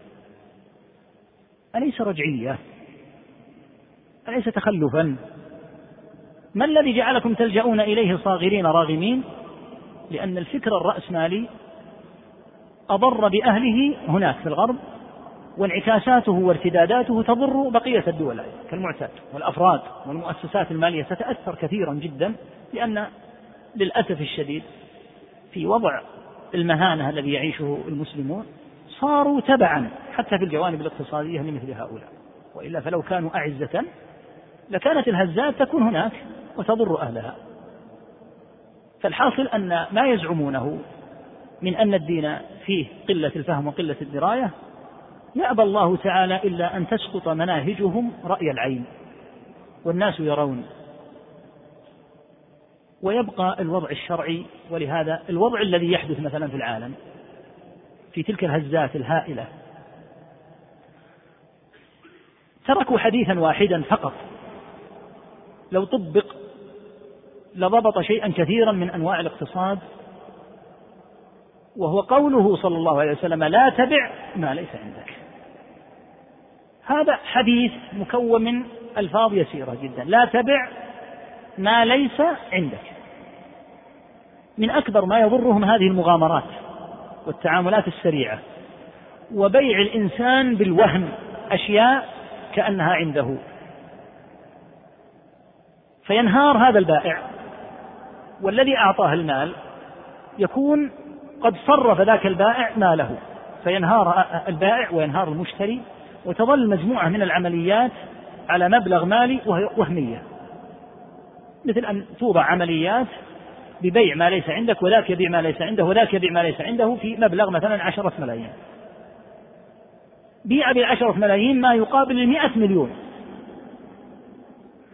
وكل هؤلاء باعوا ما ليس عندهم. فينهار هذا وهذا وهذا وهذا. في حديث واحد. لو أنك لا تبيع إلا الشيء الذي تملكه ولا يجوز أن تبيع بتاتا إلا ما تملكه وتحوزه شرعا. حتى كان التجار زمن النبي صلى الله عليه وسلم يضربون ضربا على بيع ما ليس عندهم. لا بد أن تبيع الشيء الذي تحوزه. ما تبيع الشيء الذي تقول إني سأجده عند فلان. لا بد أن تحوزه. هذا ضمانة كبيرة للاقتصاد. الآن إذا حصلت الهزات الاقتصادية ماذا يفعلون؟ يخفضون من نسبة الربا الذي يسمونه الفائدة.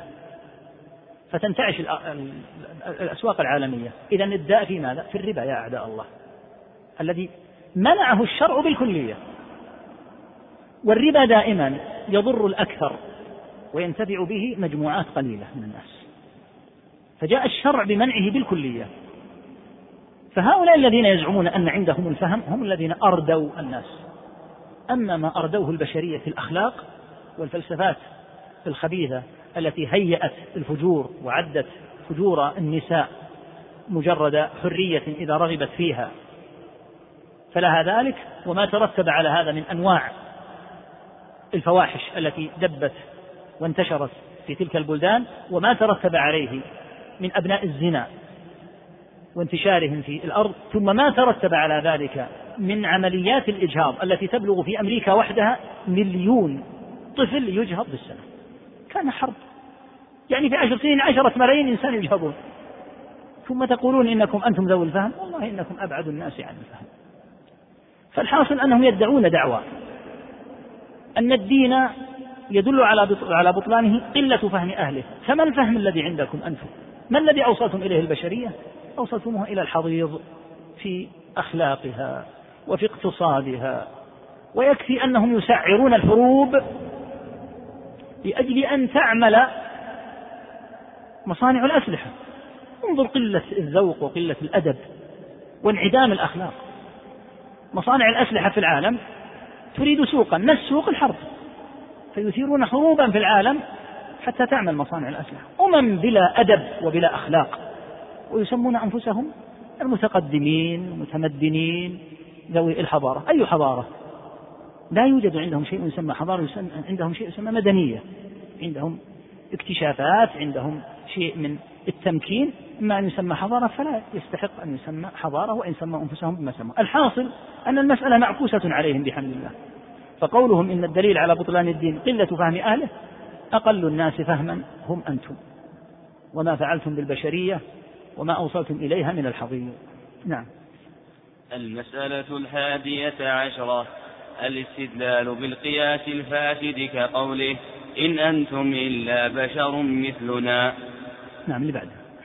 المسألة الثانية عشرة إنكار القياس الصحيح والجامع لهذا وما قبله عدم فهم الجامع والفارق. أمر القياس إما أن يكون القياس قياسا صحيحا يستوي الفرع والأصل في علة تجمع بينهما فيكون حكمهما واحدا. فنقول هذا قياس صحيح سليم.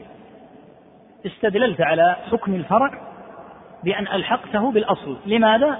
لأن العلة الموجودة في الأصل الذي فيه الحكم موجودة في الفرع. إذا فحكم الفرع كحكم الأصل. وهكذا ما ذكره أهل العلم من ضوابط القياس. هذا القياس الصحيح.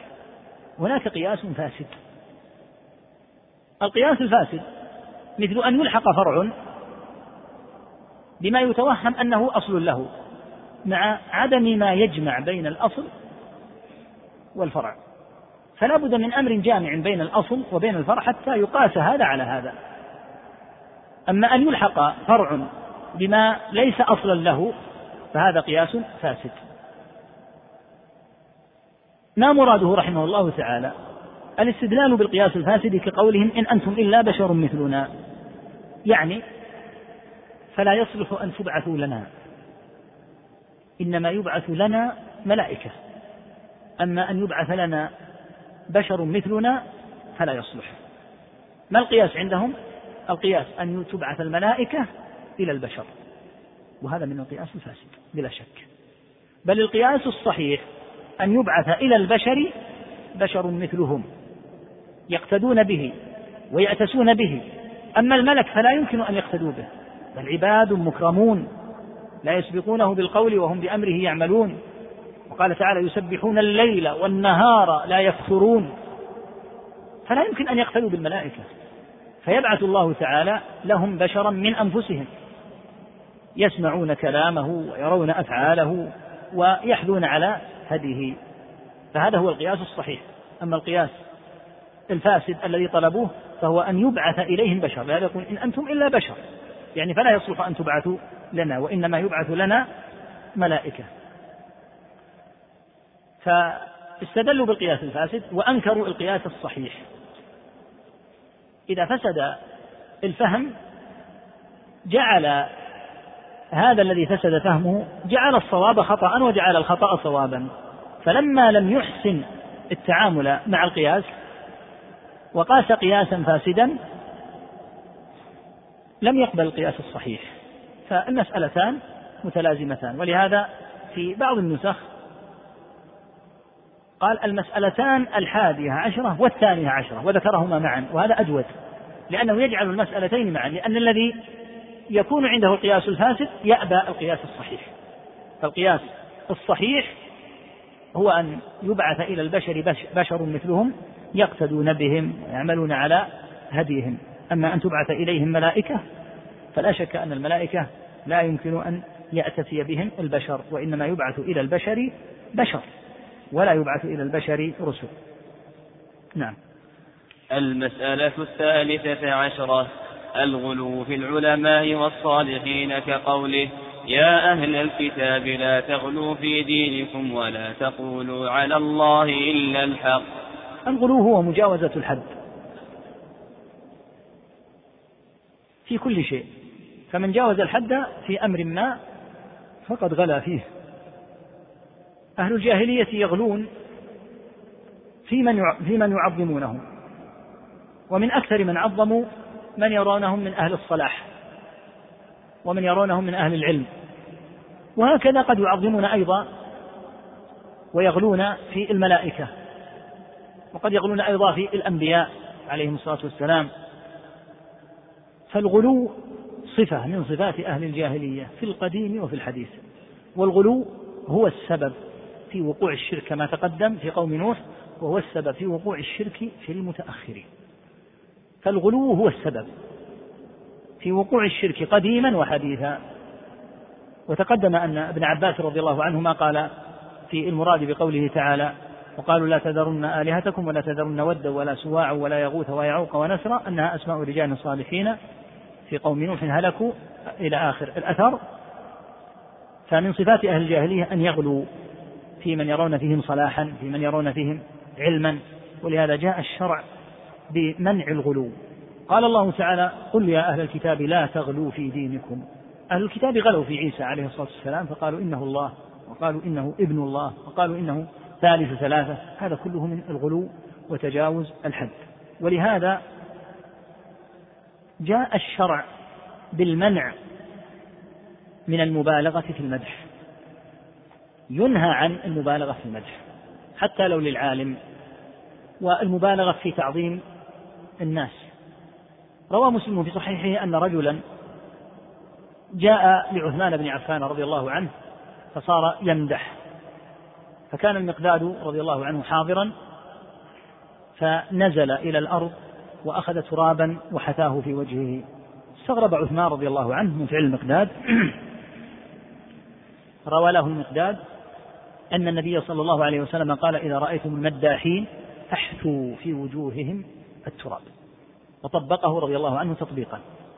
فالمدائح والمبالغة فيها غلط عظيم وقد تؤدي إلى مفاسد منها ما يتعلق بالممدوح بأن يغتر ويترفع. إذا رأى الناس يعظمونه ويمدحونه وتتعلق أيضا بغير الممدوح بأن يظن الجهلة أن هذا الشخص له من المكانة كذا وكذا مما لا ينبغي أن يوصف به البشر. ولهذا كان النبي صلى الله عليه وسلم بنفسه وهو سيد ولد آدم صلى الله عليه وسلم يأبى أي غلو فيه فكان يقول لا تطروني كما أطرت النصارى ابن مريم إنما أنا عبد فقولوا عبد الله ورسوله. ولما قال له قوم يا سيدنا وابن سيدنا ويا خيرنا وابن خيرنا قال قولوا بقولكم ولا يستهوينكم الشيطان أنا محمد ابن عبد الله عبد الله ورسوله. والله ما أحب أن ترفعوني فوق منزلتي التي أنزلني الله عز وجل. ولما قال له رجل يا رسول الله ما شاء الله وشئت قال جعلت لله ندا قل ما شاء الله وحده. ولما استأذنه معاذ وقال معاذ يا رسول الله إني قدمت الشام أو اليمن فرأيتهم يسجدون ببطارقتهم فكأنه فأنت أحق. فروأت في نفسي روأ في نفسه هيأ في نفسه أنه إذا أتى إلى المدينة أن يفعل ذلك عند النبي صلى الله عليه وسلم بالسجود له. فقال صلى الله عليه وسلم لو كنت آمرا أحدا أن يسجد لأحد يعني من البشر لأمرت المرأة أن تسجد لزوجها. لكن لا يصلح أن يسجد البشر لبشر. هذا هذا معنى الحديث. أن لو كنت آمرا أحدا أن يسجد لأحد لأمرت المرأة. يعني وأنا لن آمر لأنه لا يصلح أن يسجد بشر لبشر. وهكذا أنواع التعامل الذي فيه غلو. ولما رأى عمر رضي الله عنه أبي بن كعب رضي الله عنه وهو من هو في العلم رآه يتبعه الناس علاه بالدرة. فقال ما هذا يا أمير المؤمنين؟ قال ذلة للتابع وفتنة للمتبوع. التابع الذي يتبعك هذا ويمضي وراءك يقول هذا ذلة له يمشي وراءك. وفتنة للمتبوع فتنة لك أنت. صار الناس يمشون وراءك. قد يكون مثلا يمشي وراء الإنسان حتى يصل إلى بيته قد يمشي وراءه مثلا خمسون إنسان.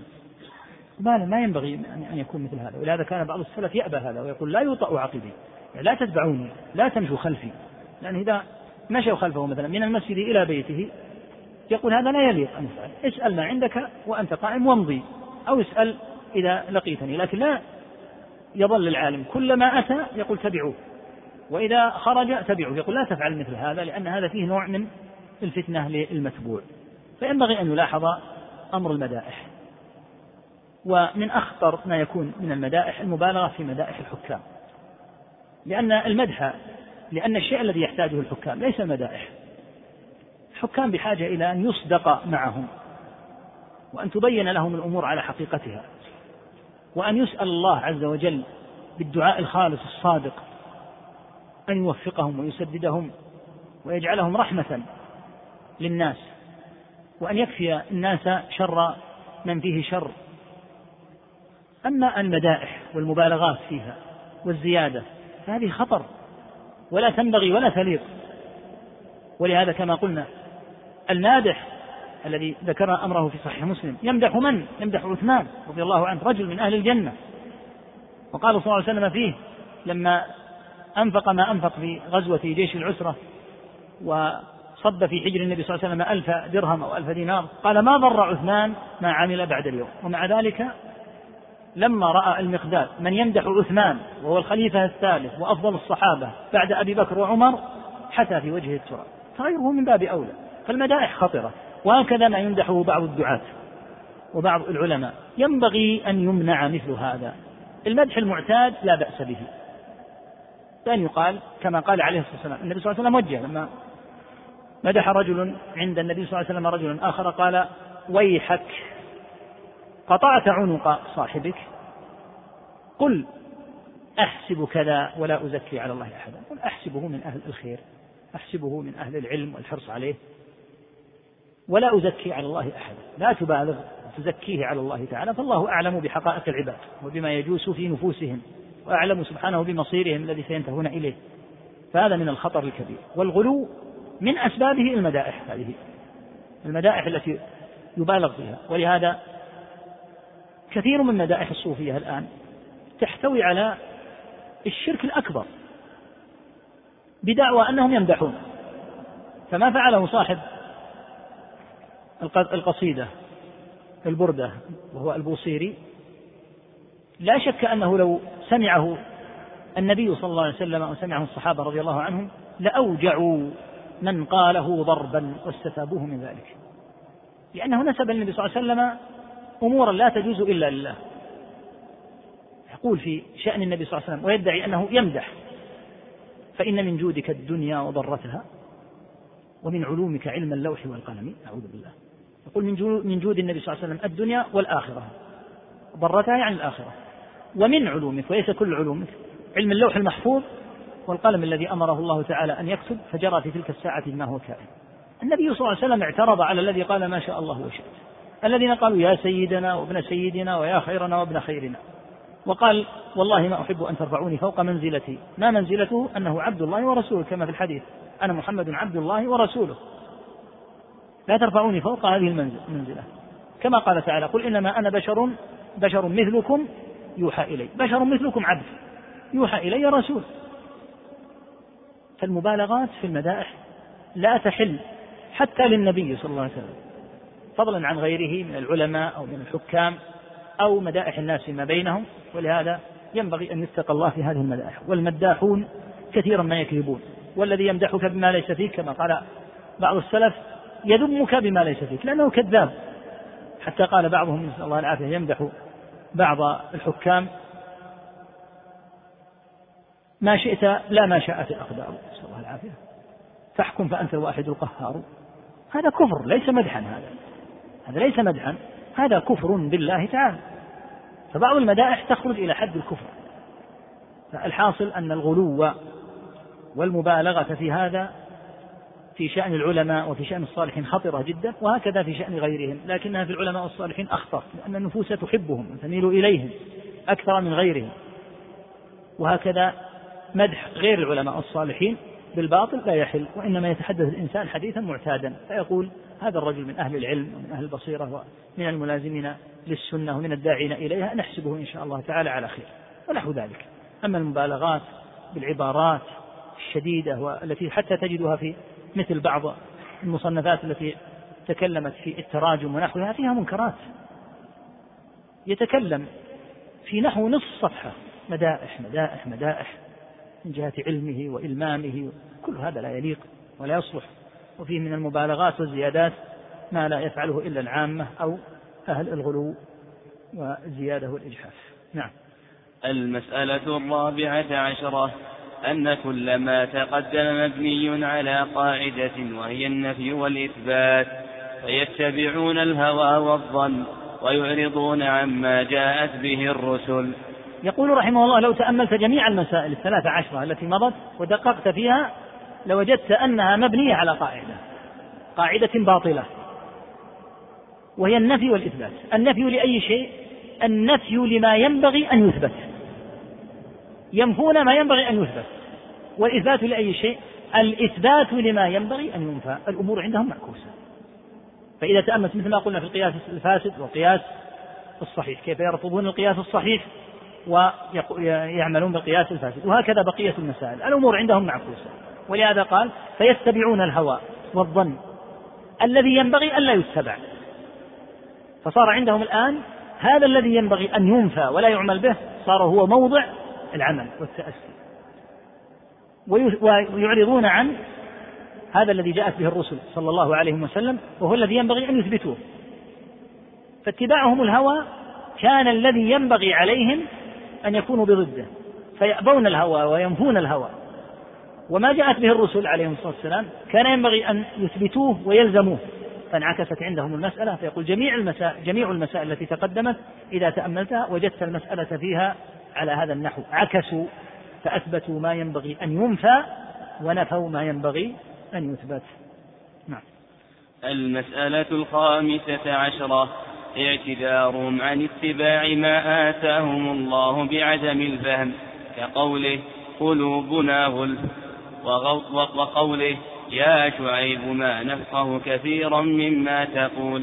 فأكذبهم الله وبين أن ذلك بسبب الطبع على قلوبهم والطبع بسبب كفرهم. من خصال أهل الجاهلية أنهم يقولون إن سبب عدم عدم قبولنا لما تقولونه أن ما فهمناه. لا نستطيع أن نفهم هذا الذي تقولون ولا نستطيع أن نستوعبه. وبعبارة المتأخرين لا أستطيع القناعة به. ما يمكن أن يفهم. هذه من طرائق أهل الجاهلية. إذا أتاهم الحق اعتذروا قالوا نحن فيما يتعلق بهذا الذي تقولونه. إشكالنا أن ما نستطيع فهمه. تتحدثون وتبينون وتمثلون أمثلة تدل على الأمر وتدللون لكن لا نفهم هذا الذي تقولونه كله. استدل بأن اليهود قالوا قلوبنا غلف. ما المراد بقوله تعالى وقالوا قلوبنا غلف؟ من المفسرين من قال كما ذكر ابن كثير رحمه الله ذكر أن من المفسرين من فسر قولهم قلوبنا غلف أي لا تفقه. وقال بعضهم هذه الآية في قولهم وقالوا قلوبنا غلف كقوله تعالى عنهم وقالوا قلوبنا في أكنة. ومن أهل العلم من قال إنهم يقولون قلوبنا في غشاوة. والأقوال متقاربة. هناك قول آخر بأن المراد بقولهم وقولنا بأن المراد بقولهم وقالوا قلوبنا غلف أي قلوبنا أوعية لكل علم فهي غلوف بضم اللام لا تحتاج إلى علمك هذا ما قيل في الآية. والظاهر والله أعلم أن الصواب هو الأول. وهو الذي رجحه ابن جرير رحمه الله تعالى بدلالة قوله تعالى عنهم وقالوا قلوبنا في أكنة وبدلالة الآية بعدها. قالوا يا شعيب ما نفقه؟ صريح. أي لا نفهم. ما نفقه كثيرا مما تقول. فأكذبهم الله تعالى ورد عليهم بأن الذي حصل لهم ليس عدم القدرة على الفهم لأن هذا الذي يقال غير مفهوم. لا. الذي حصل أن الله تعالى طبع على قلوبهم وعاقبهم عقوبة والسبب كفرهم ومبادرتهم إلى رد الحق. ولهذا قال بين أن ذلك بسبب الطبع على قلوبهم وأن الطبع بسبب كفرهم. قال الله تعالى بل طبع الله عليها بكفرهم فقلوبهم قد طبع عليها نسأل الله العافية. ما السبب؟ السبب أنهم بادروا وكفروا. ساعة سمعوا الحق فطبع الله تعالى على قلوبهم. ومنهم من يستمعون إليك حتى إذا خرجوا من عندك قالوا للذين أوتوا العلم ماذا قال آنفا؟ نسأل الله العافية والسلامة. فعوقبوا هذه العقوبة بأن طبع الله تعالى على قلوبهم فصاروا لا يؤمنون. نعم. المسألة السادسة عشرة اعتياضهم عما أتاهم من الله بكتب السحر. كما ذكر الله ذلك في قوله نبذ فريق من الذين أوتوا الكتاب كتاب الله وراء ظهورهم كأنهم لا يعلمون واتبعوا ما تتلو الشياطين على ملك سليمان. الظاهر أنها اعتياضهم عما آتاهم الله بكتب السحر جمع كتاب. فالظاهر أن المراد كتب جمع الكتاب وليس الكتب نفسه. من خصال أهل الجاهلية هذا لاحظ أنه ذكر في أهل الجاهلية من؟ اليهود. الكتاب مصنف في مسائل الجاهلية ثم خص اليهود فقال اعتراض اليهود. اليهود يستبدلون الذي هو أدنى بالذي هو خير. فاستبدلوا الوحي العظيم الذي أنزله الله تعالى عليهم فيه الهدى والنور. كما قال تعالى إنا أنزلنا التوراة فيها هدى ونور. استبدلوها بكتب السحر. نسأل الله العافية. وأين السحر؟ وما فيه من كفر وشرك وفساد وكذب. أين السحر من الوحي؟ لكنهم عياذا بالله قد انتكسوا هذا الانتكاس. فتعوضوا من عن كتب الله تعالى بكتب السحر. قال الله عز وجل ولما جاءهم رسول من عند الله مصدق لما معهم هو النبي صلى الله عليه وسلم. نبذ فريق من الذين أوتوا الكتاب كتاب الله وراء ظهورهم كأنهم لا يعلمون. فنبذوا الكتاب عمدا وتركوه عمدا. نسال الله السلامه والعافية. ماذا أخذوا؟ ماذا اتبعوا؟ بأي شيء؟ ما الشيء الذي جعلوه بديلا عن هذه الكتب التي أنزلها الله؟ واتبعوا ما تتلو الشياطين على ملك سليمان وما كفر سليمان. السحر لا شك أنه لا يتأتى لأحد إلا بمعونة الشياطين له. ولهذا السحر كفر ولا بد. الساحر كافر. وهذا الذي عليه أكثر أهل العلم رحمهم الله أن السحر كفر. لأنه لا يتأتى له أن يسحر حتى يكفر. والدليل عليه الآية. وما يعلمان من أحد حتى يقولا إنما نحن فتنة فلا تكفر. فلا يتعلم السحر حتى يكفر. وهذا هو الواقع.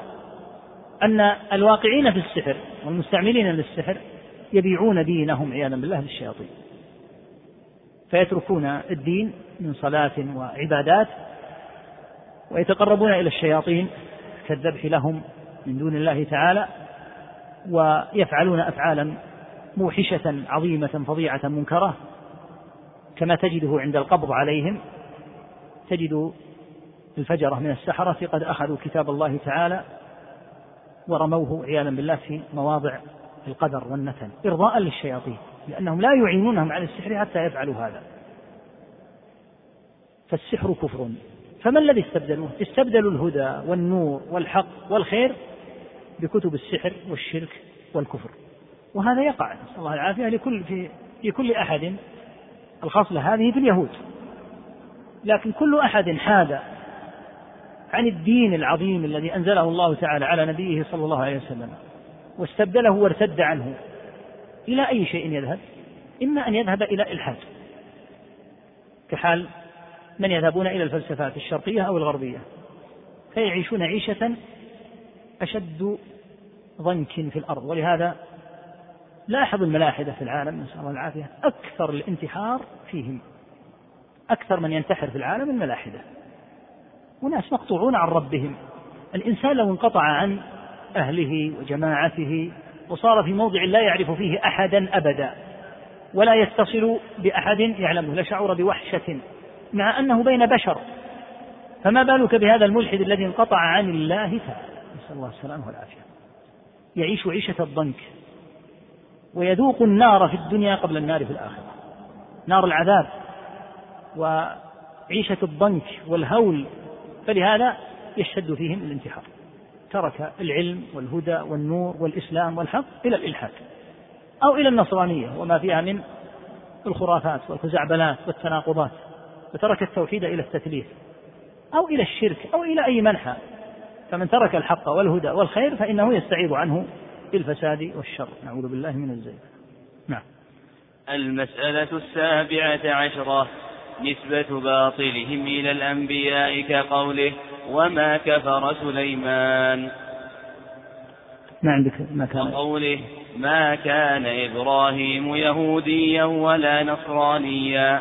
من طريقة أهل الباطل وأهل الجاهلية أنهم لا يكتفون بفعل الباطل حتى يقولوا إنما نحن عليه من الباطل منسوب للعظماء كالأنبياء أو الصالحين ليجعلوا لباطلهم مبررا وليقولوا إنا ثابتون على ما جعلنا عليه الكبراء قبلنا ممن أمرنا باتباعهم.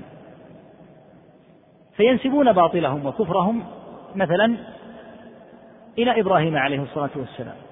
فتقول النصارى نحن أولى بإبراهيم وإبراهيم منا معاشر النصارى. وتقول يهود بل منا معاشر اليهود. قد رد الله تبارك وتعالى عليهم لم تحاجون في إبراهيم؟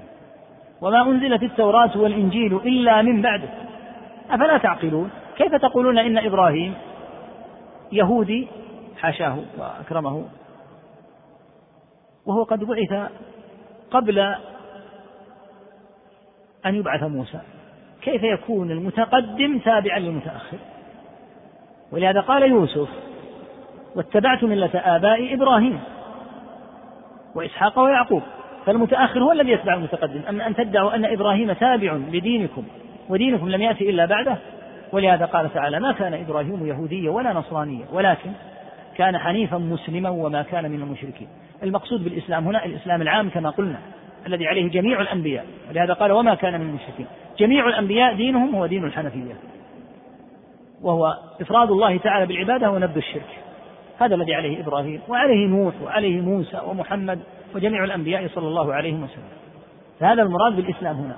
وليس المقصود أنه ليس يهوديا ولا نصرانيا ولكنه مسلم تابع لهذا الدين. لا إنما المقصود الإسلام العام.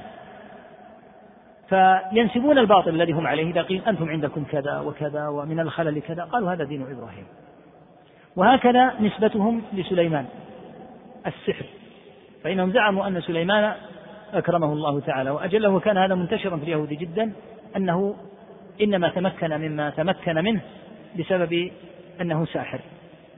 قال تعالى وما كفر سليمان ولكن الشياطين كفروا. فأهل الكفر هم الشياطين والسحرة. أما سليمان فمكنه الله تعالى لأنه دعا الله تعالى أن يهبه ملكا لا ينبغي لأحد من بعده فآتاه الله ذلك وأخضع له حتى الشياطين. والشياطين كل بناء وغواص وآخرين مقرنين في الأصفاد وظلوا يمتهنون العمل. حتى خر وتوفي عليه الصلاة والسلام فلما رأوه سقط ميتا وكانوا يعملون في العذاب المهين يظنون أنه حي لأنه كان متكئا على عصاه عليه الصلاة والسلام. فلما خر تبينت الجن أن لو, الجن أن لو كانوا يعلمون الغيب ما لبثوا في العذاب المهين. كانوا يظنون أنه حي. فأخضع الله تعالى له حتى هؤلاء المردة والشياطين. ولهذا لما أراد أن يؤتى بعرش ملكة اليمن قال عفريت من الجن أنا آتيك به الآية. فأخضعوا له إخضاعا وليس معنى ذلك أنه كان ساحرا. ومن اعتقد أن سليمان ساحر فلا شك أنه يكفر. بل سليمان عليه الصلاة والسلام نبي من أنبياء الله. لكنهم يريدون أن ينسبوا باطلهم هذا هو الشاهد منه يريدون أن ينسبوا السحر والباطل إلى سليمان. حتى إذا قيل أنتم على حال سيء وعلى حال مسهر قالوا هذا مما جاء به سليمان. نعم. المسألة الثامنة عشرة. تناقضهم في الانتساب ينتسبون إلى إبراهيم مع إظهارهم ترك اتباعه. مع إظهارهم. مع إظهارهم ترك اتباعه. هذا من التناقض عندهم. الانتساب الصحيح أن تنتسب إلى نبي من أنبياء الله وتعمل بما قال. التناقض هنا في الانتساب. ينتسبون إلى إبراهيم. إبراهيم عليه الصلاة والسلام هو إمام الحنفاء. وهو من أعظم الناس توحيدا. وأنتم مشركون. فكيف تنتسبون إليه؟ وهو الذي جاء بالتوحيد وجاء بالحنيفية وأنتم تظهرون الشرك. ويظهر عليكم ترك اتباع إبراهيم. فهذا من التناقض أن تنتسبوا إلى إبراهيم الموحد وتكونون مشركين. ومع ذلك تزعمون أنكم منه وهو منكم. نعم. المسألة التاسعة عشرة. قدحهم في بعض الصالحين بفعل بعض المنتسبين كقدح اليهود في عيسى. ما عندك منتسبين إليهم؟ المسألة التاسعة عشرة قدحهم في بعض الصالحين بفعل بعض المنتسبين إليهم كقدح, كقدح اليهود في عيسى وقدح اليهود والنصارى في محمد صلى الله عليه وسلم. هذه المسألة لها شأن عظيم. لأن النبي الكريم والرجل الصالح والعالم البصير قد يكون هناك من يتبعه. فإذا وجد منه غلطة نسبت هذه الغلطة من قبل أهل الجاهلية إلى النبي نفسه. ولهذا قال نوح عليه الصلاة والسلام لما قالوا له ما قالوا في أتباعه قال وما علمي بما كانوا يعملون. فلو فرضنا أن بعض من تبعوا نبيا حصل منهم ما لا يليق فإنه ينبغي أن ينسب هذا الأمر إلى ذاك الذي فعل ما فعل لا أن ينسب إلى النبي ما ذنب النبي؟ وهكذا أهل العلم. إذا كان مثلا في طلبتهم من قد تصرف تصرفا غير جيد وغير مناسب لا يقدح في العالم نفسه. فمن طريقة أهل الجاهلية أنهم يقدحون في الأنبياء وفي العلماء وفي أهل الصلاح بأن بعض من هم من أتباعهم أو من تلامذتهم فعلوا كذا وكذا. كقدح اليهود في عيسى عليه الصلاة والسلام وقدح النصارى في محمد صلى الله عليه وسلم وقدح اليهود والنصارى في محمد صلى الله عليه وسلم وهذا واقع الآن. انظر كم يكال لرسول الله صلى الله عليه وسلم من التهم ومن الكلام الباطل في بلاد الكفر. ويقولون إن محمدا صلى الله عليه وسلم جاء بكذا وكذا وكذا مما فيه مضرة للبشرية بدليل أن هناك من يعمل أعمالا من أتباعه إنما أخذها من محمد صلى الله عليه وسلم. فهذه طريقة أهل الجاهلية. الرسول صلى الله عليه وسلم ليس مسيطرا على أتباعه إلى يوم القيامة. فيقع من أتباعه الحق وهو الذي عليه أهل السنة وأهل العلم والبصيرة ويقع من بعض المنتسبين إليه سواء كان انتسابهم فعليا حقا لأنهم من أهل الإسلام أو لم يكونوا من المسلمين كالذين ارتدوا ببدعهم كالباطنية ونحوهم يقع منهم أفعال قبيحة وربما تعدوا على الناس في أموالهم أو في دمائهم أو أعراضهم فقالوا هذا بسبب محمد صلى الله عليه وسلم. وما ذنب رسول الله صلى الله عليه وسلم هذه خصلة جاهلية وهذا مما يجب أن يلاحظ. نعم هذا من فعل أهل الجاهلية لكن على المسلم ألا يتصرف تصرفا يجر بسببه على الإسلام شيئا من مثل هذه الأقوال. فبعض من يذهب إلى بلاد الغرب يتصرف تصرفات همجية فوضوية ويقولون هذا من أي البلاد؟ هذا من البلاد الإسلامية. لو كان عند هذا دين يردعه ويضبطه لما تصرف هذه التصرفات. فيتسبب هذا فيما قال النبي صلى الله عليه وسلم إن منكم منفرين فينفر من الدين بسوء تصرفاته. وهكذا التعامل حتى داخل البلاد الإسلامية. فيوجد من بعض من يكون عندهم عمال ونحوهم ويكونون كفارا. يعني أساء بأن جلب إلى بلاد الإسلام كافرا ثم أساء في تعامله وصار يمنعه من حقه.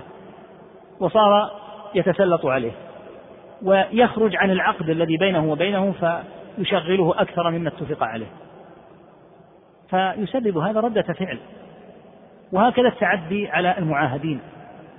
معاهد في بلاد الإسلام لا يجوز أن يتعرض له. ومن تعرض له فكما قال صلى الله عليه وسلم من قتل معاهدا لم يجد رائحة الجنة. فإذا خطف وقتل ماذا يفعل في تلك البلاد؟ يقول هؤلاء الأمم أمة فوضى. يتعاقدون مع الناس ويأتون بهم ويؤمنونهم ثم يأخذونهم ويقتلونهم. فيتسبب هذا في الصد عن دين الله عز وجل. والنبي صلى الله عليه وسلم كان حريصا جدا على ألا يساء فهم الإسلام. حتى إنه تصبر على عدد ولما طلب منه أن يقتلهم قال لا يتحدث الناس أن محمدا يقتل أصحابه. ينبغي أن يراعى مثل هذا. ولهذا كل من يتعامل مع هؤلاء الكفار يجب أن يتعامل معهم التعامل الشرعي. بعض الناس يقول يعني يستخذي ويذل هنا. ينبغي أن يعطوا أن ينظر إليهم على أنهم بشر لهم مثل ما لنا. لا والله ليس لهم مثل ما لنا بل هم كفار. التعامل معهم على هذا الأساس. والولاء والبراء عقيدة ثابتة لكن فرق كبير بين البراء من الكفار والظلم. الظلم لا يجوز حتى للذر كما قال الحسن. البصري رحمه الله تعالى في تفسير قوله تعالى إن الأبرار لفي نعيم قال الذين لا يظلمون الذر وهي النمل الصغير المسلم ما منه مضرة حتى للبهائم فلا يضر أحدا. وإذا أريد إيقاع عقوبة على كافر فإنها توقع بالحد الشرعي بالوضع الشرعي ما تكون هكذا بالمزاج وبحسب ما يحلو للإنسان. لا يحل مثل هذا وإلا تسبب هذا في أن يذم الدين وأن يذم رسول الله صلى الله عليه وسلم فيتسبب هذا في الصد عن سبيل الله. نعم. المسألة العشرون اعتقادهم في مخاريق السحرة وأمثالهم أنها من كرامات الصالحين ونسبته إلى الأنبياء كما نسبوه لسليمان عليه السلام. الكرامة تطلق ويراد بها عند كثير من أهل العلم الأمر الخارق للعادة. الذي يجريه الله عز وجل على يد أحد من أوليائه. كما وقع لمريم كلما دخل عليها زكريا المحراب وجد عندها رزقا مع أنه هو الذي يمونها. من أين أتى هذا الرزق؟ قال يا مريم أنى لك هذا؟ قالت هو من عند الله. رحمك الله. قال بعض المفسرين كانت تكون عندها فاكهة الصيف في الشتاء وفاكهة الشتاء في الصيف. وبقطع النظر عن كون هذا التفسير هو الصواب أو ليس هو الصواب المؤكد أن في الآية ما يدل على كرامة من الكرامات. وهكذا ما ذكر الله عن أهل الكهف. نص تعالى على أنهم لبثوا في كهفهم ثلاثمائة سنين وازدادوا تسعة. ومع ذلك كانت الشمس إذا غربت تقرضهم ذات الشمال إذا طلعت تداور تميل عن كهفهم ذات اليمين وإذا غربت تقرضهم ذات الشمال وهم في فجوة في متسع لكن الله يميل الشمس عنهم كرامة وخرقا للعادة. وهكذا ما ثبت عن الصحابة رضي الله عنهم وما جاء في السنة من من كرامات من كانوا قبلنا من صالح الأمم كثير. فمن طريقة أهل الجاهلية أن يخلطوا بين الذي لأولياء الله وبين الذي يقع من السحرة. الذي يقع من السحرة في هذه الخوارق أنواع. منه ما هو تخييل يخيلون على الأعين يخيل إليه من سحرهم أنها تسعى. ومنه ما هو بمعونة الشياطين. فيظهر منهم أشياء تكون عجيبة كأن يحملوا ويرتفع بهم لكن حملتهم الشياطين. فطريقة أهل الجاهلية أنهم لا يفرقون بين أولياء الرحمن وأولياء الشيطان. ولهذا صنف شيخ الإسلام رحمه الله كتابا عظيما اسمه الفرقان بين أولياء الرحمن وأولياء الشيطان وبين الفرق بين هؤلاء وهؤلاء وبين الفرق بين الكرامات التي يجريها الله تعالى لعباده الصالحين وبين هذه الأمور التي تقع على يد السحرة. وقد ابتلي بأمر الخوارق هذه والتوهم فيها الصوفية كثيرا جدا ابتلوا بها ولم يفرقوا بين الحق والباطل في هذا وظنوا أن ما يفعله هؤلاء الكذبة ومروجو الشرك وأهل السحر ظنوه من كرامات الأولياء. فكلما رأوا شيئا من الخوارق قال قالوا هذا من فعل أولياء الله عز وجل. مع أن هذه الخوارق توجد حتى عند البوذيين وعند الهنود المشركين. فمجرد خرق العادة ليس هو الدليل على أن هذا من أولياء الله. وقد ثبت عن النبي صلى الله عليه وسلم أن الدجال يكون في من ضمن فتنته أشياء مهولة. يأمر السماء فتمطر والأرض فتنبت. يمر بالخربة فتتبعه كنوزها كيعاسيب النحل ونحو ذلك. فمجرد الخوارق ليس, ليس دالا على أن هذا من أولياء الله. إنما تعرف ولاية الله بقوله تعالى ألا إن أولياء الله لا خوف عليهم ولا هم يحزنون؟ من هم؟ الذين آمنوا وكانوا يتقون. فالعبرة بالإيمان والتقوى. أما لو حدثت خوارق فليست هي الدليل لأنها تقع على يد الكافر. ولا شك أن ثمة فروقا عظيمة بين الكرامات التي يجريها الله وبين هذه الخوارق التي تكون من الشياطين. لكن أهل لكن أهل الجاهلية لا يفرقون. يتحدث الأخ هل التصوف كله بدعي؟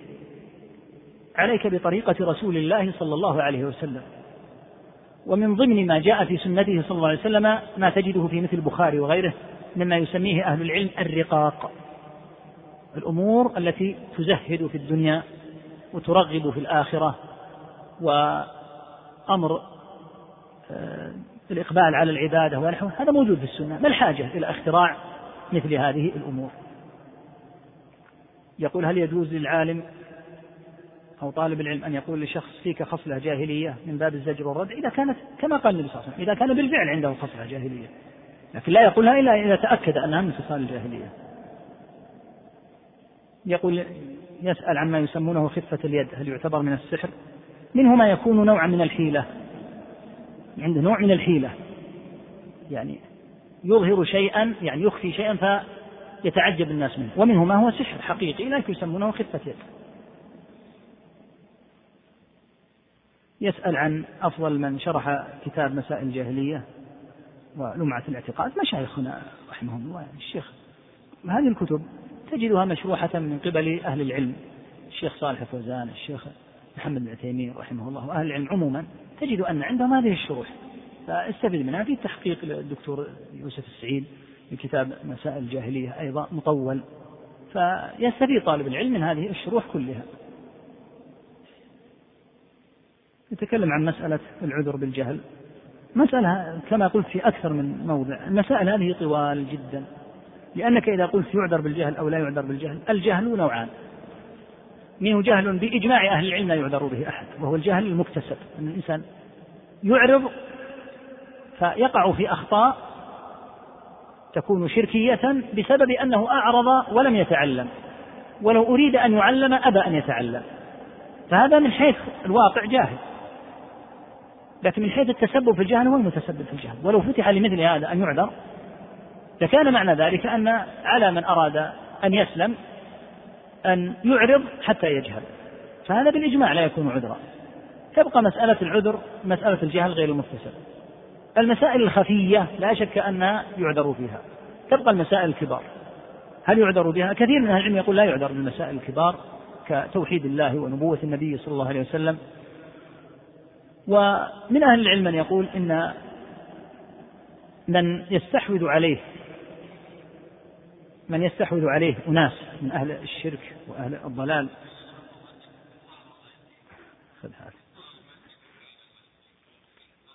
نقول هذا أمر أمر الجهل.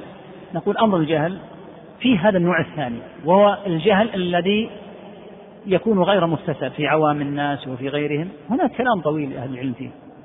قلنا المسائل الخفية لا إشكال في أنها يعذر فيها لكن هل يعذر في المسائل الكبار؟ من أهل العلم قال إذا عذر في المسائل الكبار ماذا يبقى؟ ومنهم من يقول إن هؤلاء قد يستحوذ عليهم أهل الشرك ويظن هؤلاء أنهم علماء فيأتسون بهم فالمسألة طويلة. يقول ذكرتم أن نصيحة ولي الأمر واجبة ولكن نريد كيفية النصيحة.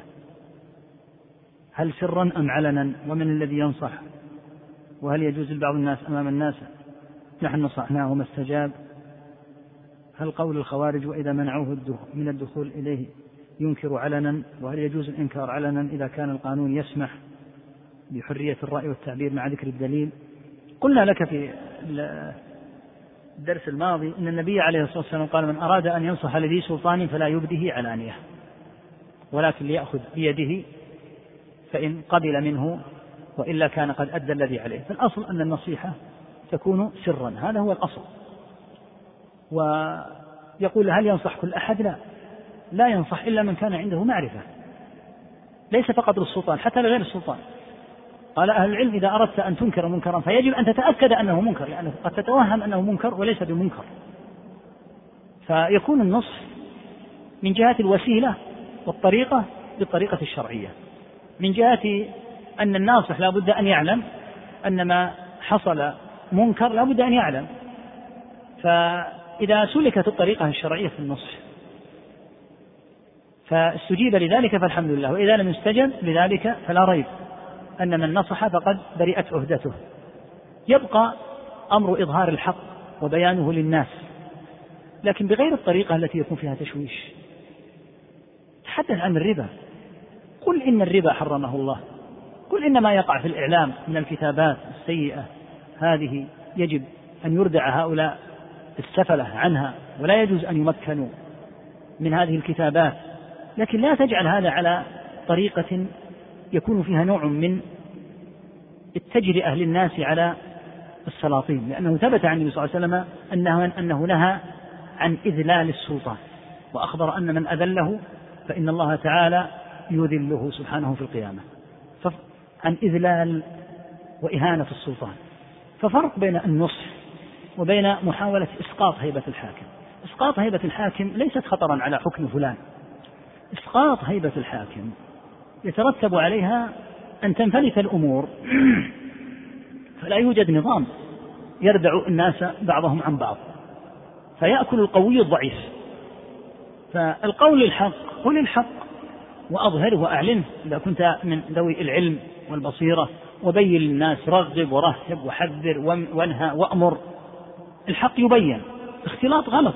خطأ لا يجوز ولا يحل. وهو خطير جدا على الناس. اجهر بهذا وأعلنه وتقرب إلى الله بمثل هذا. لكن فرق بين أن تحذر من الاختلاط وأن تجعل الناس تحمل الناس حملا على أن يكون هذا الأمر الذي وقع سببا في محاولة زعزعة السلطة. لأن زعزعة السلطة يظن كثير من الناس أنها ضارة للحاكم هذا غلط. ضارة للجماعة بأسرها. الحاكم يردع الناس بعضهم عن بعض.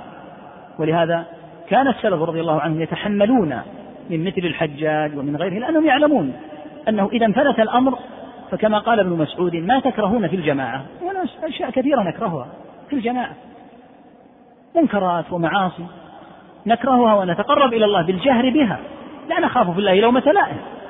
لكن لو زالت الجماعة هذه المنكرات ستكون أضعافا مضاعفة وستنفتح أمور أشد بكثير منها. ولهذا قال ابن مسعود كلمة ثبتت عنه ما تكرهون في الجماعة خير مما تحبون في الفرقة. الشيء الذي تكرهه الآن في الجماعة من أمور نعلم أنها محرمة. هذه الأمور التي تكرهها أنت في حال من الجماعة لو أنها حصلت فرقة لكان الذي في الفرقة أشد وأنك أشد وأنكى مما أنت فيه في الجماعة. ففرق بين زعزعة الجماعة وهدم البيت على أهله بدعوى إنكار المنكر وبين الجهر بالحق. الجهر بالحق هذا أخذ الله تعالى على أهل العهد أن يقولوه لتبيننه للناس ولا تكتمونه. فالذين نبذوه فنبذوه وراء ظهورهم واشتروا به ثمنا قليلا فبئس ما يشترون. أخذه الله تعالى على أهل الكتاب وقال تعالى إن وبين تعالى أن الذين إن الذين يكتمون ما أنزلنا من البينات والهدى من بعد ما بيناه للناس في الكتاب أولئك يلعنهم الله ويلعنهم اللاعنون إلا الذين تابوا وأصل إلا الذين تابوا وأصلحوا وبينوا. لا بد أن يبين لا بد من التبيين لا, لا بد أن نعلم الناس أن الله حرم الربا وحرم الاختلاط وحرم كذا وأوجب كذا. لا بد من هذا. لكن فرق. بين أن أبين وأن أجعل هذه طريقة من الطرق للإحاطة بالوزارات وبالحاكم حتى نسلك فرق. هذه طريقة الخوارج. ففرق بين طريقة أهل السنة وطريقة الخوارج. وفرق بين طريقة المخذولين الذين يبررون الخطأ. يجعلون خطأ الحاكم مبررا كما كانت الناصبة زمن بني أمية. ويقولون إن الله تعالى أمرنا بطاعتهم مطلقا. وإن الله تعالى يغفر للسلطان ذنبه كله وإنه لا يحاسب ويقبل منه جميع حسناته. هذه كانت في, في النواصب. فأهل السنة ليسوا هكذا ولا هكذا. الخطأ يبين لكن فرق بين أن تبين الخطأ وتوضح الحق وتوضح السنة وتتكلم عن مسائل الجاهلية وغيرها وبين. أن تجعل الخطأ طريقة من الطرق لإسقاط الحكم. فرق كبير جدا. زعزعة الحكم طريقة الخوارج. وزعزعة الحكم ليست إسقاطا لحكم فلان كما نقول هذا ونؤكد. زعزعة الحكم إسقاط الجماعة لأن الجماعة مكونة من حاكم ومحكوم. فإذا سقط الحاكم لا جماعة. وإذا لم توجد جماعة وإذا لم إذا إذا سقط الحاكم لا يوجد جماعة. وإذا وجد لا يتصور أن يوجد حاكم ما عنده رعية. إذا لم توجد رعية منطقة كبيرة ما فيها بشر. لو قال أحد أنا الحاكم حاكم على من؟ ما عندك أحد حتى تحكمه. وهكذا لو وجدت رعية ليس عليها حاكم هذا في غاية الخطورة. والشواهد والوقائع الحديثة وعبر التاريخ دالة على هذا وعلى أن إرشاد الشرع إلى لزوم الجماعة والصبر على ما قد يقع من جور أو استئثار بالأموال أو نحوه مع الصدع بالحق هو المسلك الشرعي الصحيح. لا مسلك الخوارج ولا مسلك من يبررون الخطأ وسيأتينا إن شاء الله تعالى بعض الكلام على هذه المسائل في نفس مسائل الجاهلية. مما يتعلق ذكر ذكر الشيخ رحمه الله من مسائل الجاهلية أن أهل الجاهلية يأنفون ويأبون السمع والطاعة. قال إن هذه من طريقة العرب في الجاهلية. ويأتينا أيضا إن شاء الله تعالى بعض المسائل المعاكسة. ممن هم على ضد طريقة الخوارج. فمسلك أهل السنة لا مسلك هؤلاء ولا هؤلاء. المنكر ينكر والحق يصدح به ويجهر به لا يخاف في الله لومة لائم لكن لا تسقط الجماعة. ولا يؤمر الناس بأن يجتمعوا جماعات ويسببوا طريقة ضغط حتى يقسر الحاكم على كذا وكذا. لأن الحاكم يجلس لك ويخطط لك على مدى بعيد حتى تعجز عن أن تنشر السنة لاحقا. والشرع ما جاء بين العلماء والحكام ما جاء بالمصادمة. أبدا المصادمة أتتنا من فرنسا وبريطانيا. حزب حاكم وحزب معارضة هذا الذي في تلك البلاد. وهو الذي الآن يطالب به بعض المخذولين الشرع ما أتى بهذا. الشرع أتى بالنصيحة وأتى بالجهر بالحق وبالبيان والإخبار والإيضاح والنصح. أما أن يتصور الإنسان أنه هو الحاكم في حد هكذا هذا ليس من الشرع. الثورة الخبيثة الفرنسية جملة من انعكاساتها على الأرض لا تزال إلى يومك هذا. فليس في الشرع أنه هذا حاكم وأنا معارضة. ليس هذا بصواب وليس, وليس هذا من الدين في شيء. لكن هذا حاكم يصيب فيعان على صوابه ويخطئ فينصح ويجهر فيما بين العالم والحاكم ويبين للناس الحق. أما أن تؤخذ الأمور على أنها معارضة وعلى أنها بهذه الطريقة فلو فتشوا في طريقة السلف ليل نهار لما وجدوا مثل هذا. لكن هذه الثورة الفرنسية قاتل الله اليهود. هم الذين وراءها ليس الفرنسيون. الذي وراء الثورة الفرنسية هم اليهود. جعلوها في قالب فرنسي ثم انعكست على أوروبا ثم جاءت إلى مصر وانعكست كثير من أقوالها وآرائها على كثير من الناس وصار يدعى لها وربما لبست لبوسا من الإسلام. وربما أخذت بعض المواقف القوية والجريئة من السلف رضي الله تعالى عنهم وأرضاهم على أنها على سبيل المعارضة ليس بصحيح. من أكثر من كان قويا في الجهر بالأمر بالمعروف والنهي عن المنكر سفيان الثوري رحمه الله وغيره من السلف. حتى إنه رحمه الله أبى أن يأتي إلى الخليفة المهدي. ورفض أن يأتي إليه رحمه الله وكان يأبى أن يأتي ومع ذلك قال والله إني لأدعو الله لهم ولكني لا أستطيع إلا أن أقول الحق. يقول من حيث الدعاء وما بي أني لا أرى أن لهم طاعة. يقول أنا أرى أن لهم طاعة وأنا أدعو لهم لكني سأقول الحق. هكذا الجمع الصحيح. لكن أن ينظر على أن المسألة مناطحة ومصادمة هذا لا يكون إلا في الوضع المتناسب مع الأوضاع في البلاد الغربية التي هي فكرة سيادة الشعب التي تردد الآن للأسف. ما معنى سيادة الشعب؟ سيادة الشعب أي أن السلطة عند الشعب. وأعظم وأخطر سلطة عند الشعب هي سلطة التشريع. ولهذا تسمى المجالس بالمجالس التشريعية أن تشرع تحلل تحرم.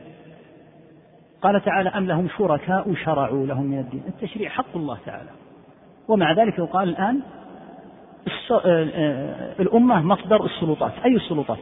الثلاث التنفيذية والقضائية والتشريعية. للشعب أن يشرع بالأكثرية النظام الذي يريد. فلو شرع نظاما غير إسلامي فكما قال بعض المخذولين ممن يسمون أنفسهم بالإسلاميين يقول إذا رأى الشعب عدم قبول الدولة الإسلامية فلتذهب وليأتي غيرها فإنها تستحق ما حصل لها. إيش معنى فلتذهب؟ وليأتي حتى الملحد. هذا المعنى. قال لأن الأمة هي مصدر السلطات ومن ضمنها السلطة التشريعية. التشريع بيد الله عز وجل ولا يجوز أن يقال هذا. فينبغي أن يعرف الأمر ويكون الإنسان متوسطا. لا الذي يبرر الخطأ للحاكم كفعل نواصب بني أمية ولا الذي أيضا يتصور أن الشعب بيده أن يشرع ومن ضمن ذلك أن تستجلب من بلاد الكفر الطرق في التعامل مع الحكام. الطرق في التعامل مع الحكام مضبوطة بضابط شرعي. فلعل الله ييسر فيها كتابة بإذنه ومنته تجمع ما بين هذا وهذا حتى تتضح الأمور إن شاء الله على جليتها. يقول هل يعتبر قدح الرافضة في الصحابة من مسائل الجاهلية؟ رضي الله عن الصحابة. أخي الرافضة جملة جاهلية. من جهة شركهم بالله عز وجل قدحهم في القرآن غلوهم في آل البيت طعنهم في الصحابة. حقدهم الدفين على الأمة الجانب الشعوبي وحقدهم على الفتوح الإسلامية. حتى كان ابن المطهر يقول إن بني حنيفة مؤمنين مؤمنون وإن أبا بكر قتل المؤمنين. مع أن بني حنيفة ادعوا أن مسيلمة رسول نسأل الله العافية والسلام. أمة يعني مليئة بالأخطاء الروافض. يتكلم عن تعلم السحر لا يجوز. تعلم السحر لا يحل. لا يتأتى تعلم السحر إلا بشيء من الشرك. يقول هل لبس البشت للخطيب سنة؟ نقول إنها يعني التزين يعني أن يلبس الخطيب ما هو شيء من ال يعني كما قال تعالى خذوا زينتكم عند كل مسجد. هذا شيء طيب ويتفاوت الناس فيه لكن ما نقول إن الخطيب لو خطب بلا لبس البشت إنه يكون قد ترك السنة. لكن من حيث العموم والناس تتفاوت. يعني في البلاد الإفريقية قد لا يلبسون مثل هذا. يكون عندهم زي معين. في البلاد الآسيوية يكون عندهم زي معين. ما دام انه من زي المسلمين وليس من زي الكفار فليس موضوع البشت يعني في نفسه سنة لكنه من الزينة.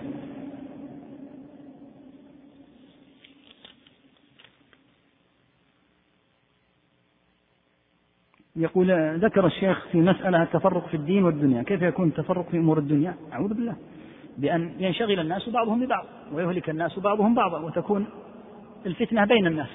قال الله عز وجل قل هو القادر على أن يبعث عليكم عذابا من فوقكم أو من تحت أرجلكم أو يلبسكم شيعا ويذيق بعضكم بأس بعض يلبسكم في الفتنة يخلطهم في الفتنة فيهلك الناس بعضهم بعضا وصلى الله عليه وسلم.